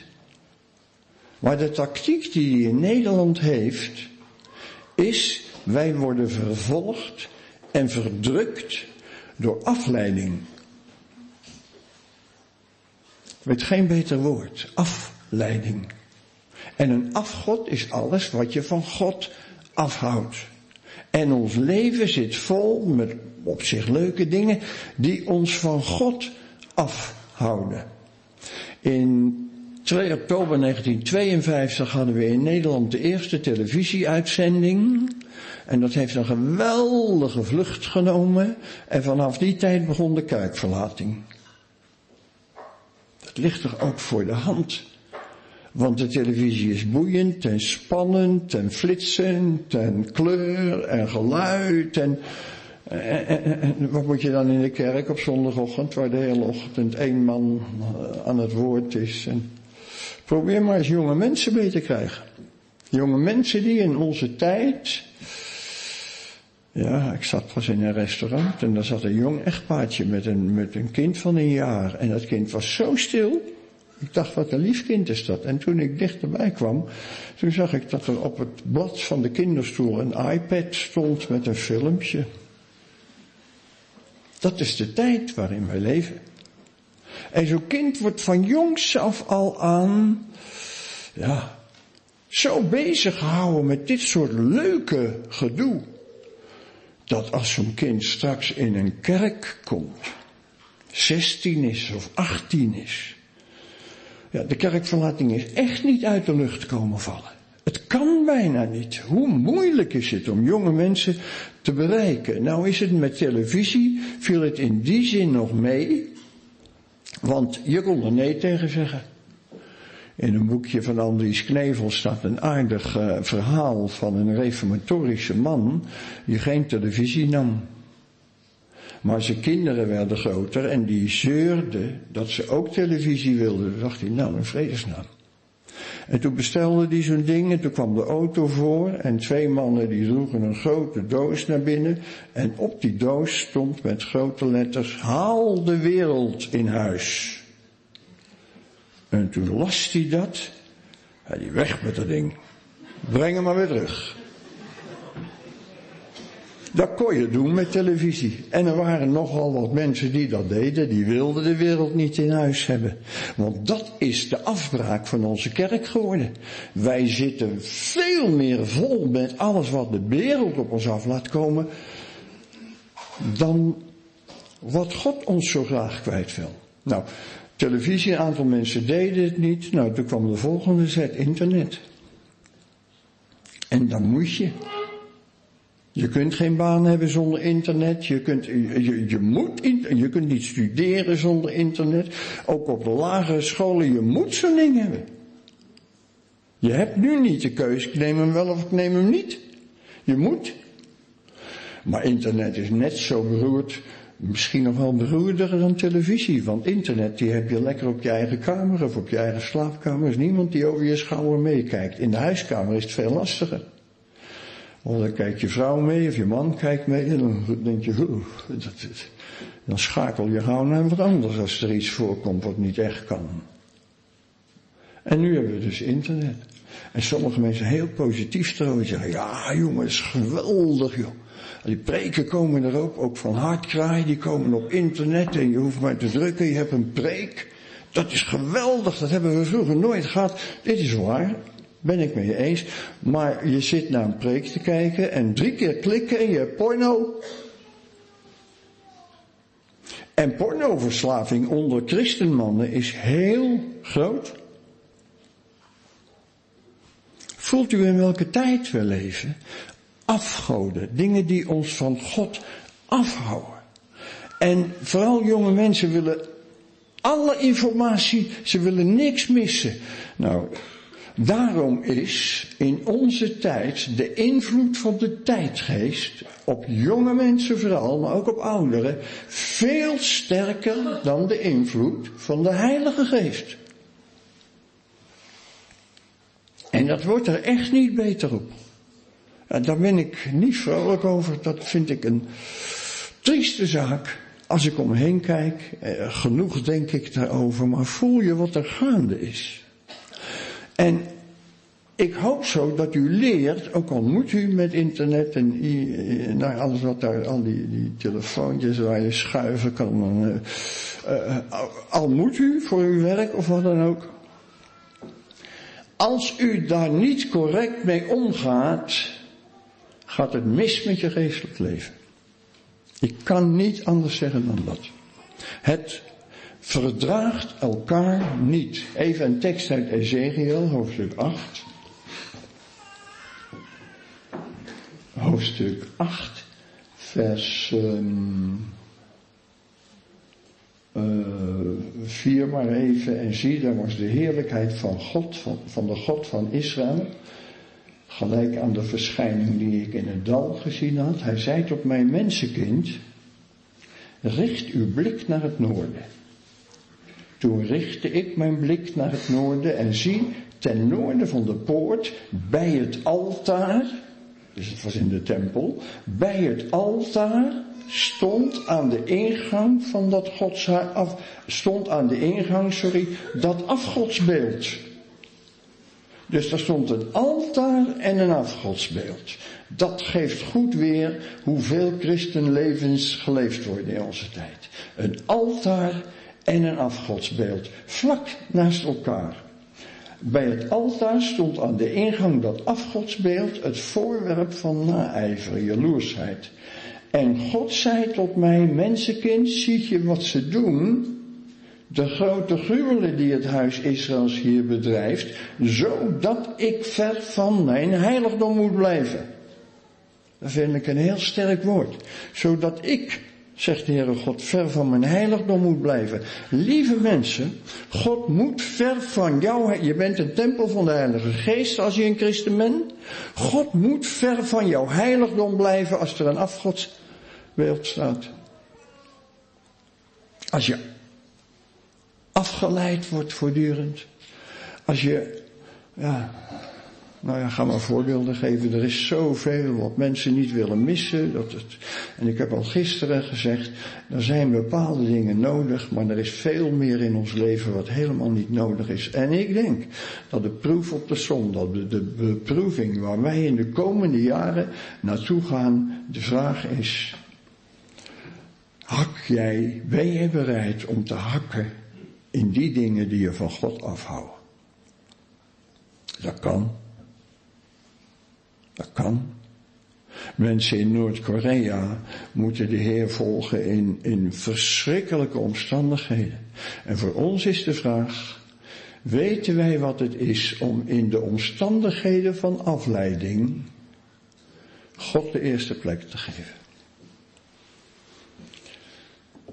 Dat, dat, is, dat wil ik zo graag kwijt. En dan, en dan is natuurlijk, speelt jouw kerk daar een grote rol in, in je gemeente. Dat is prachtig. Maar wat doe je hiermee? Ik, uh, ja, wat moet je nou nog meer van de Bijbel zeggen? God heeft maar één boek geschreven. Ik vind het leuk als je mijn boek koopt en meeneemt. Maar het is tweedehands. Ja, het is splinternieuw, maar het is ook tweedehands. Het is, dit is eerstehands. Dit is het enige boek wat God zo door mensen die dicht bij hem leefden persoonlijk aan hen doorgegeven heeft. En hier staat alles in wat je van God moet weten.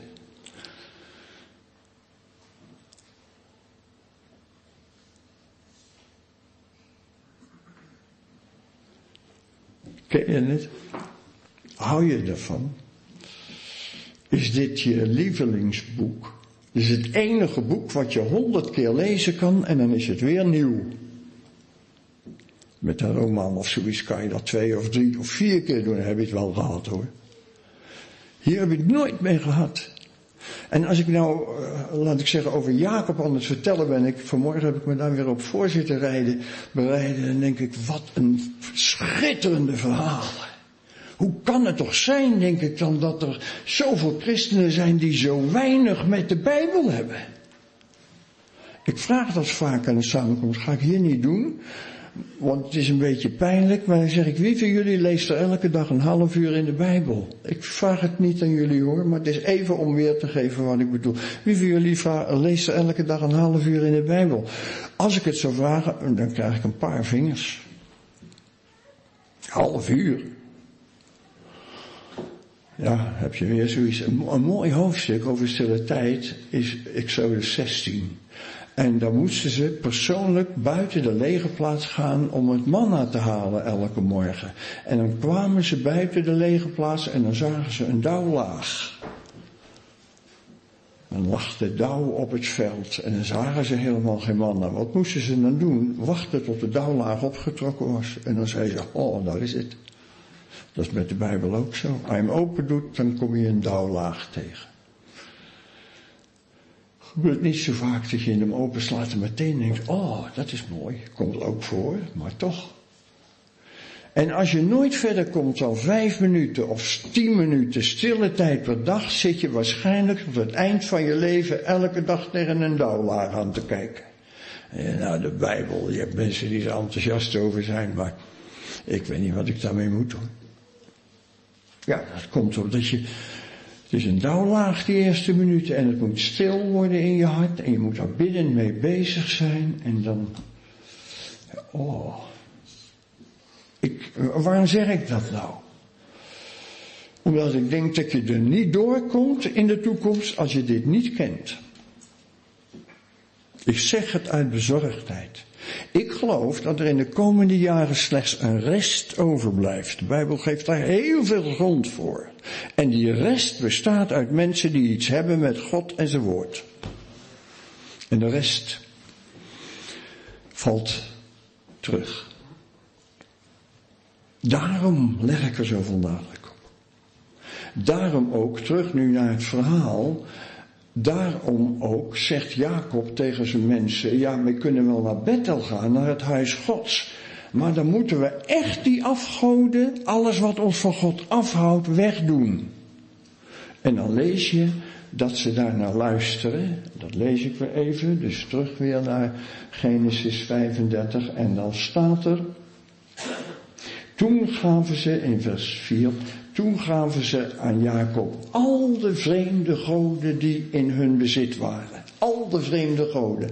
En de ringen die in hun oren waren. En Jacob begroef ze onder de terebind die bij Sichem is. Daarna braken ze op. En de schrik voor God viel op de steden rondom hen zodat ze de zonen van Jacob niet achtervolgden. Dat is meteen, er is meteen licht in je leven als je de afgoden wegdoet. Er is kracht in je leven als je die dingen die je van God afhouden wegdoet in je leven. En dan moet je een weg in vinden, maar die weg is er. We hebben heel veel dingen, halen we naar ons toe die niet nodig zijn. En die ons alleen maar schade doen in ons geestelijk leven. Nou, er staat hier dat ze allemaal hun afgoden bij Jacob brachten. Ik denk, maar dat weet ik niet helemaal zeker, dat er eentje was die het niet deed. Dat was zijn eigen vrouw. Ik ga dat even lezen. Even terug weer. Dus die, die mooie Rebecca, weet je nog, met dat mooie figuur en, die, en, en, en, en, en dat knappe gezicht. Uh, Rachel, ja. Net als jij, ik gooi ook alle vrouwen door elkaar. Even naar, sorry hoor, eh, sorry hoor eh, Arjan. Uh, even naar hoofdstuk 31, vers 19. Laban nu was heen gegaan om zijn schapen te scheren. Toen, toen gingen ze dus weg bij Laban dan. Toen stal Rachel de terefim van haar vader. Merkwaardig, hè? Zij had een afgod. En toen ze weg moest uit huis, nam ze de afgod mee. Want daar kon ze niet van buiten. En dat heeft hele ernstige gevolgen. Want Laban komt dan en die, uh, die is, heeft ruzie dan dus ook met Jacob en die hebben felle gesprekken met elkaar. En dan zegt hij in vers 30 van datzelfde hoofdstuk, nu dan, tegen Jacob dus, nu dan, als je bent weggegaan, enkel omdat je zo vurig naar je vaders huis verlangt, waarom heb je dan mijn goden gestolen? Dat had hij onmiddellijk ontdekt, dus Laban, dat zijn terefim weg was. Dan staat er, toen antwoordde Jacob en zeide tot Laban, ik was bevreesd omdat ik dacht dat gij uw dochters zou, aan mij zou ontrukken. En bij wie gij uw goden vindt, die blijven niet in leven. Ga maar zoeken, Laban. Bij wie je die goden vindt, die blijven niet in leven. Nou, Laban gaat zoeken in de tent van Lea, vindt hij niks, komt hij in de tent van Rachel. En die heeft de afgod genomen en in een kamelenzadel genomen en daar is ze op gaan zitten. En dan zegt ze, vader, sorry, ik kan er niet vanaf, want dat gaat mij naar de wijze der vrouwen. En Laban vindt niks. Nou, eens kijken wat er gebeurt. Want Jacob heeft natuurlijk dat woord gesproken. Bij wie gij uw goden vindt, die blijven niet in leven. Dan gaan we een paar bladzijden verder. Dus die afgoden die zijn allemaal opgeruimd. En dan staat er dit in vers 16 van hoofdstuk 35. Daarna braken ze op uit Bethel. En toen ze nog maar een eindweegs van Efrat verwijderd waren, baarde Rachel. Ze krijgt dus haar tweede kind. Ze had eerst Jozef en nu komt haar tweede kind. Baarde Rachel en ze had een moeilijke bevalling. En terwijl ze die moeilijke bevalling had, zei de vroedvrouw tot haar, vrees niet, ook ditmaal heb je een zoon. En toen haar het leven ontvloot, want ze stierf, noemde ze hem Benoni, maar zijn vader noemde hem Benjamin. Zo stierf Rachel en werd begraven aan de weg naar Efraat, dat is Bethlehem. En Jacob zette op haar graf een opgerichte steen. Dat is de opgerichte steen van Rachels graf tot op heden. Als je in Israël komt, kan je dat nog zien. Toen stierf Rachel. Ik ga de dingen niet met elkaar verbinden, maar het is ook moeilijk om ze niet met, in, in, in, met elkaar in verband te brengen. Ik doe dat niet, dat vind ik net even te gevaarlijk. Maar Jacob heeft natuurlijk wel gezegd, bij wie gij uw goden vindt, die blijven niet in leven. En Rachel sterft. Ik leg niet de verbinding, begrijp me goed. Maar toch, maar toch, bij wie gij uw goden vindt, die blijven niet in leven. En Rachel stierf. Wat ik wel met zekerheid zeggen kan, is dit. Wie zijn afgoden niet inlevert en daarmee doorgaat, tekent zijn geestelijke doodvonnis. Dat kan ik wel zeggen, denk ik.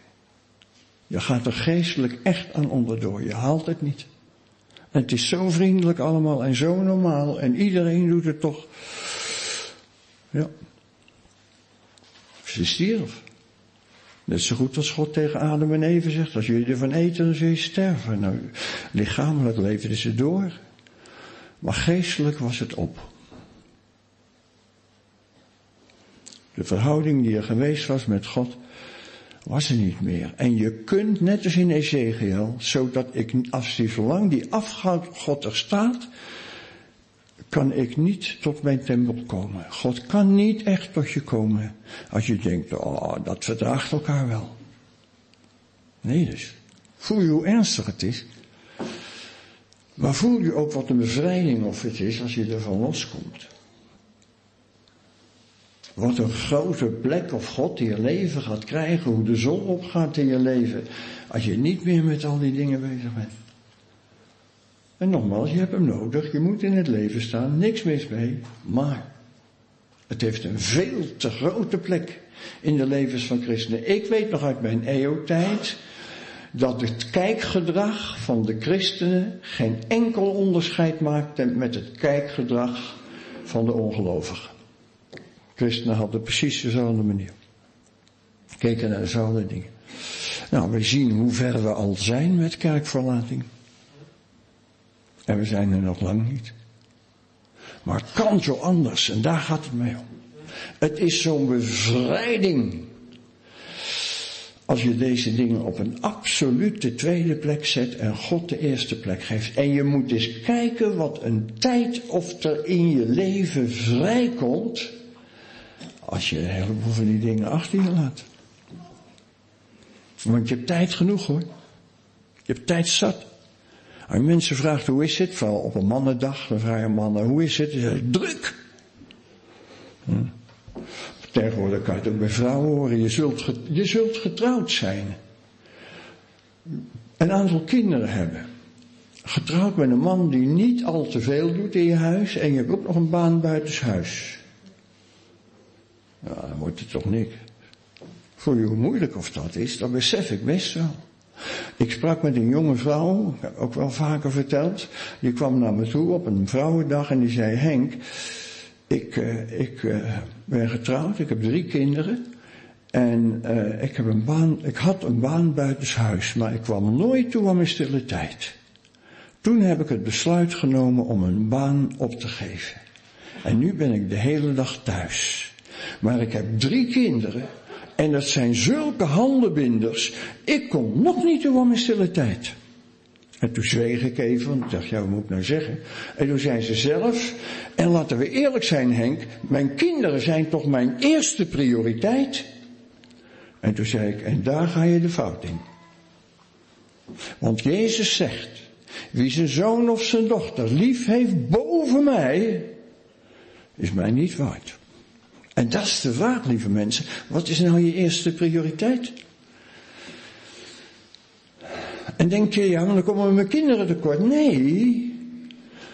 Je kinderen worden veel meer gezegend als je God de eerste plaats geeft, want ze krijgen een heel ander soort moeder, die niet meer snauwt en niet meer grauwt en geen kort lontje meer heeft. Ze krijgen een heel andere moeder. En daardoor, door die moeder denken ze, oh, voel je, als je God de eerste plek geeft, is dat een geweldige zegen voor je kinderen. Dan moet je niet zeggen, ja, dan hebben die de tweede plek. Ja, maar die tweede plek is eindeloos veel meer en hoger dan wanneer je hen de eerste plek geeft boven God. En dat geldt natuurlijk voor werk, dat geldt voor alle terreinen van ons leven. Het grote geheim is, zo, heeft God het simpel gezet. Het eerste en het grote gebod is God liefhebben met je heel hart. En tweede zijn je naasten. Maar draai het niet om. Zeg niet, ja, maar kinderen zijn mijn eerste prioriteit. Ja, dan, dan werkt het niet. Voor je lieve mensen, leg ik jullie een wet op? Nee hoor, je mag alles. Je mag alles. De Bijbel zegt het ook, alles is geoorloofd. Want niet alles is nuttig. Ik heb u gisteren al gezegd, God heeft één keer tegen mij gesproken. Zal hij ook nooit meer doen, denk ik. Hoeft ook niet. Maar die ene keer vergeet ik van zijn leven niet. Een bepaalde situatie die ik niet ga uitleggen. En ik zei, Heere God, als u wil dat ik dat offer breng. En als u me dat duidelijk maakt, dan zal ik het voor u doen. En toen sprak God en zei, ik vraag niks van je. Weet je wat dan? Dat is de evangelie. Wat doet God hier vanmiddag? Zit hij te zeuren over, denk oh ja, televisie mag niet en internet moet je maar oppassen. Denk je dat God zo is? Je doet maar hoor. Je kijkt maar naar alles wat voorbij komt en slik het maar in. Alleen, je moet wel de consequenties onder ogen zien. Dan gaat het niet meer. God zegt, dan kan ik niet tot mijn heiligdom komen. Dus God vraagt niks. Wie het gevoel heeft, oeh, daar heb je weer zo'n prediker die zegt dat je dit en dat niet mag. Dat wil ik wegvagen door te zeggen, je mag alles. Alles is geoorloofd, zegt Paulus. Maar niet alles is nuttig. Alles is geoorloofd, maar niet alles bouwt op. En ik denk dat wij in de eeuwigheid zullen zijn wat God hier van je heeft kunnen maken. Wat wil je? En nogmaals, zolang stille tijd zit in de sfeer van, ja, ik moet eigenlijk mijn stille tijd houden, maar wordt het niks. En zolang je niet verder komt dan vijf of tien minuten, wordt het niks. Allemaal dauwlaag. Op een gegeven moment geef je toch op. Nou, de Bijbel, ja. Kan er niks mee. Geef me maar een evangelisch boek. Of geef me maar een preek op internet. Of geef me maar een Bijbels dagboek. Maar, maar dit.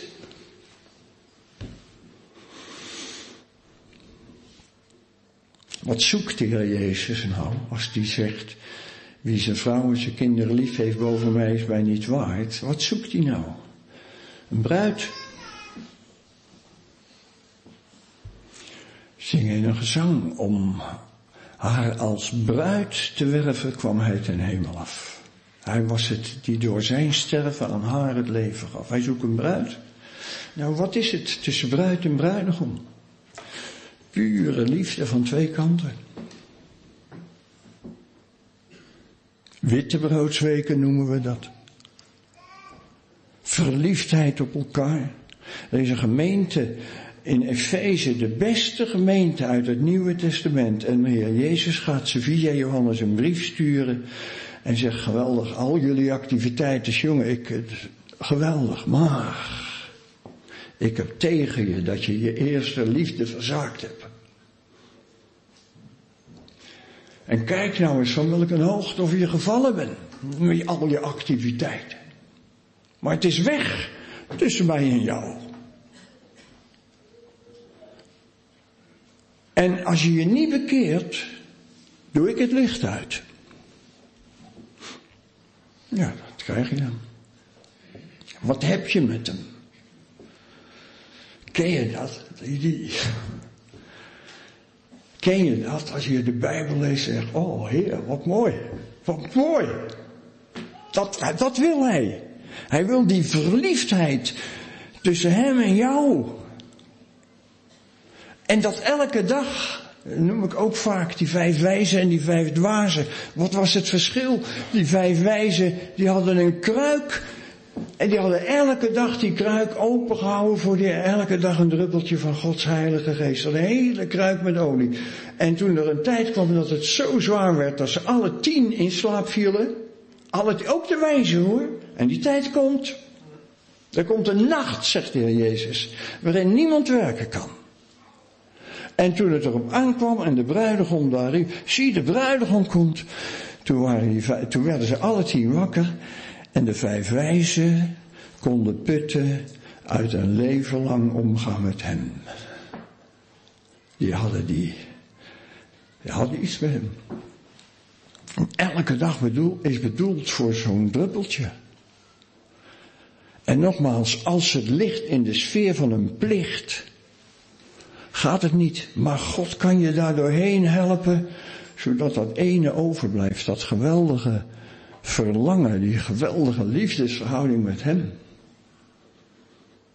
Ik zou, ik wou het je geven, kom, maar kan ik even terug nog naar Jacob, want mijn tijd is geloof ik alweer om, hè. Ja. Even terug nog naar Jacob. Dus dan heeft hij dat, dan is Rachel inmiddels gestorven. Dat moet voor hem vreselijk geweest zijn, want ze betekende zoveel voor hem. Terwijl hij ook wel veel verdriet om haar gehad heeft.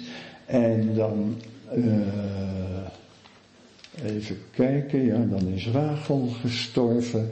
Dan komt hij nog weer eens even, moet even nog lezen, hoofdstuk 37, waar staat in vers uh, eh, 3. Nee, vers 2. Dit is de geschiedenis van Jacob, Jozef, 17 jaar oud. Hij was nu nog jong placht met zijn broeders, de zonen van Bilha, de zonen van Silpa, de vrouwen van zijn vader, de schapen te hoeden. En Jozef bracht kwaad gerucht aangaande hen aan hun vader over. En Israël, daar ging het om eigenlijk. En Israël, Jacob dus, had Jozef lief boven al zijn zonen, omdat hij een zoon des ouderdoms was. En hij maakte voor hem een pronkgewaad. Was dat goed wat hij deed? Opvoedkundig, klopt er natuurlijk niks van. Want je moet voor al je kinderen evenveel houden. En niet eentje voortrekken. Was het goed wat hij? Nee, op voetkundig lijkt het niks. Maar geestelijk is het kwaliteit. Want Jacob zag, te midden van zijn twaalf jongens, waarvan er vooral tien buitengewoon onverschillige, ruige jongens waren, zag er eentje met wie hij geestelijk contact had. En Jacob wist wat, het, wat hij voor hem betekenen kon. Jacob was, dat kun je lezen in de Bijbel, Jacob was vijftien toen zijn grootvader stierf, Abraham. Denk erover dat die twee veel met elkaar gepraat hebben hoor. Abraham en Jacob, tot aan zijn vijftiende toe. En nu is grootvader overleden en ze zitten uh, hier in het land weer terug en dan is daar één jongen waarvan Jacob denkt, ja, dat is, daar kan hij uren mee praten. En hij, hij noemt hem later ook de uitverkoren. Jozef de uitverkoren, daar had hij wat mee. En hij maakt voor hem een heel mooi kleed. En Jozef gaat daarmee rondlopen en zijn broers krijgen een verschrikkelijke hekel aan hem. Daar heb je weer de achtergrond. God heeft één volk onder alle volken uitgekozen, Israël. Nou, kijk eens wat een hekel of de meeste mensen aan Israël hebben. Helaas ook zoveel christenen. Onbegrijpelijk. En het antisemitisme neemt toe. Iedere keer opnieuw in allerlei vormen. Waarom hebben we door alle eeuwen heen zo'n ontzettende hekel aan Israël? Omdat we diep in ons hart aan voelen, hij wel en ik niet. God heeft dit volk uitgekozen. Niet Nederland, niet de Amerikanen, niet de Russen, niet de Chinezen, de Joden. En dat zie je hier ook bij Jozef. Ze hebben allemaal hekel aan hem, want Jozef heeft die uitzonderingspositie die jij krijgen kan voor Gods ogen. En, dan, en wat gebeurt er dan? Dan gaat Jozef naar zijn broers. En dan nou, vader zit wat te wachten. Jozef, wat duurt het lang voordat je terugkomt? En dan komt er op een gegeven moment een boodschapper bij vader Jacob.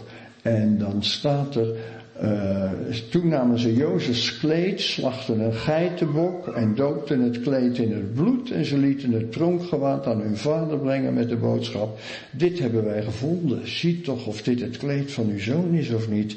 En hij herkende het en zeide, het is het kleed van mijn zoon. Een wild dier heeft hem verslonden. Jozef is stellig verscheurd. En Jacob scheurde zijn mantel, want dat was het enige wat hij nog over had. Rachel was er niet meer. Alleen Jozef was daar met wie hij het zo goed had. En Jacob scheurde zijn mantel, deed een rouwgewaad om zijn heupen en treurde lange tijd over zijn zoon. En al zijn zonen en al zijn dochters deden hun best hem te troosten, maar hij weigerde zich te laten troosten en zei nee, rouwdragend zal ik tot mijn zoon in het dodenrijk neerdalen. En zijn vader beweende hem. Dat is het leven van Jacob naar een totale overgave aan God. En de tijd is om, dus ik stop ermee, helaas. Ik vind dat, ja, jullie denken lekker, want we hebben het nou lang genoeg aangehoord. Voor mij is het zo anders. Dit is, ik, even naar de jonge mensen. Geen enkele plek in de zaal is zo mooi als deze plek, weet je dat? Daar word je het zat, hier word je het nooit zat. Het is zo, ja, u bent een enkeling en zeg je mag nog even doorgaan, maar ik wil dat uh, jullie niet al te veel aandoen, maar voel je, het is zo mooi. En, en dan gaat Jacob, dan is die Jozef kwijt en hij denkt echt dat hij dood is en hij treurt. En dan, gaan, dan komt er een hongersnood en dan gaan ze, zegt Jacob, er is in Egypte, daar kan je koren kopen. Dan gaan ze, tien zonen gaan en negen komen er terug. En Jacob ziet het. Je? Ik kan zo makkelijk huilen als ik mijn Bijbel lees. Probeer je dat nou eens voor te stellen. En denk eens even nog weer aan die 6 miljoen Joden die vergast zijn. Morgenavond heb je op tv, daar mag u dan wel naar kijken. Heb je op, heb je op tv een, een documentaire over een moeder die met oma en twee van haar kinderen, twee dochtertjes, weggevoerd wordt en ze stapt uit de trein en er komt een Duitse soldaat en die pakt oma met die twee kinderen mee, zegt kom mee. En moeder blijft dan verbaasd en verdwaasd achter en weet het dan niet meer en, en, en, en, en ze roept en de kinderen roepen mama en zij roept en en na verloop van tijd gaat ze naar een Duitser toe. Zegt ze, weet u soms waar mijn kinderen zijn? Die, oh, die zijn al lang dood. Tot haar dood toe, ze werd 92, kon ze er niet overheen komen. Nou, dat is één van de verhalen. Ik zou er wel honderd kunnen vertellen. Ook hier. Tien jongens gaan weg, negen komen er terug. Simon blijft achter en ze komen terug met de boodschap. We mogen alleen nog een keer naar Egypte gaan om brood te halen als we de jongste meebrengen. En Jacob zegt, hoe hebben jullie dat nou kunnen vertellen? Ja, die man die vroeg dat allemaal. En we kwamen er niet onderuit. We hebben de waarheid verteld. We mogen alleen terug als Benjamin erbij is. En vader Jacob zegt, nooit. Jullie hebben me alles afgenomen. En daar kom je niet aan. Helaas kan niet meer lezen, maar ik vind dat zo. En dan maar de, als de honger natuurlijk toeslaat, ja, op een gegeven moment heeft hij geen keus meer. En dan moet hij, dan laat ik die versen misschien nog wel even opslaan. Dus heel veel verder staat dat in, um, in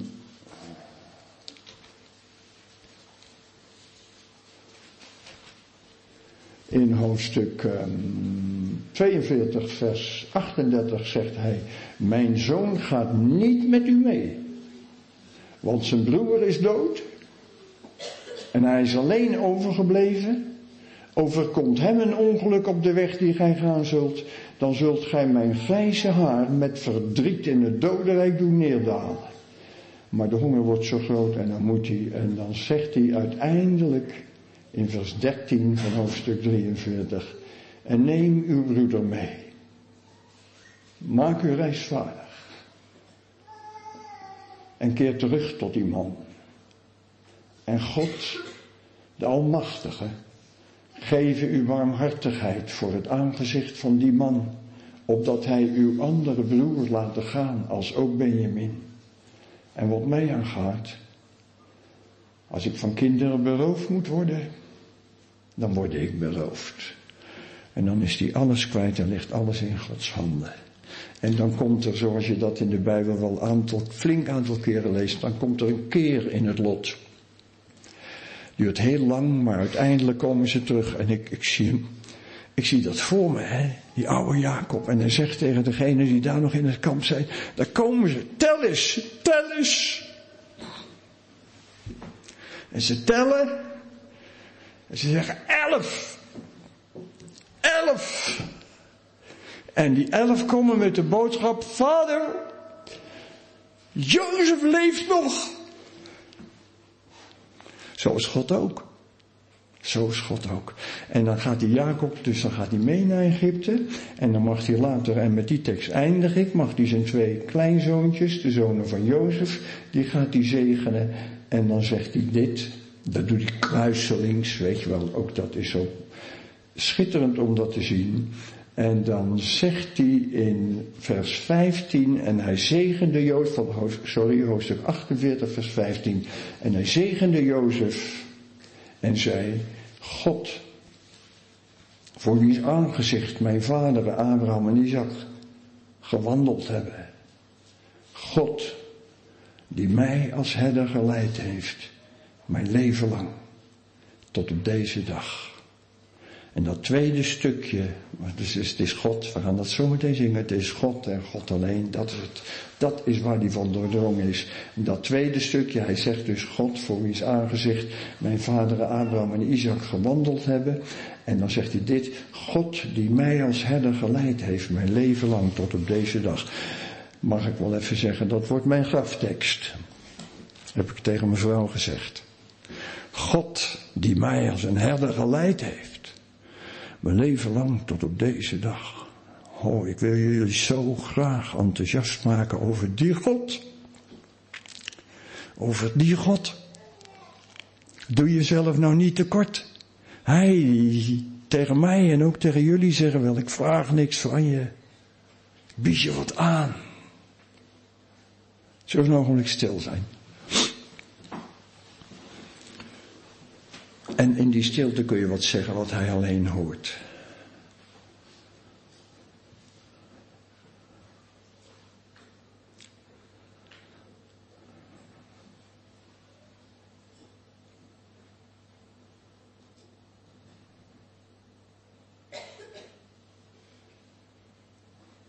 Vader, een keer nog, Jacob die in het begin niet verder komt tot een voorwaardelijke overgave. Als u, dan zal ik.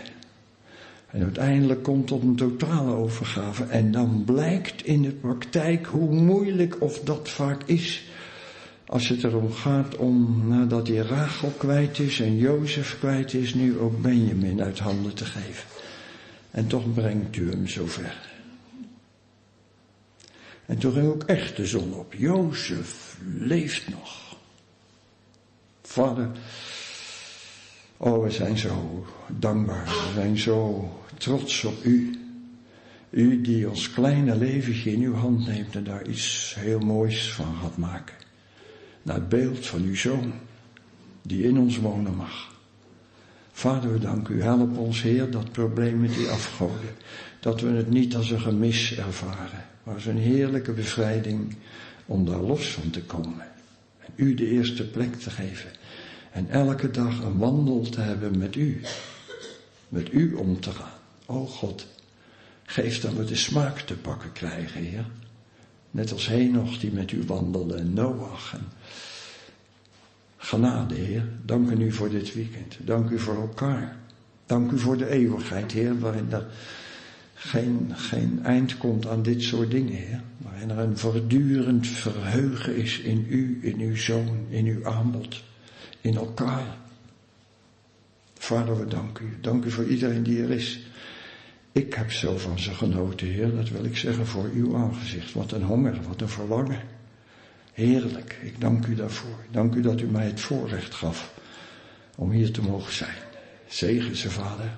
Doe wat u alleen maar kunt. Dank u wel. Amen.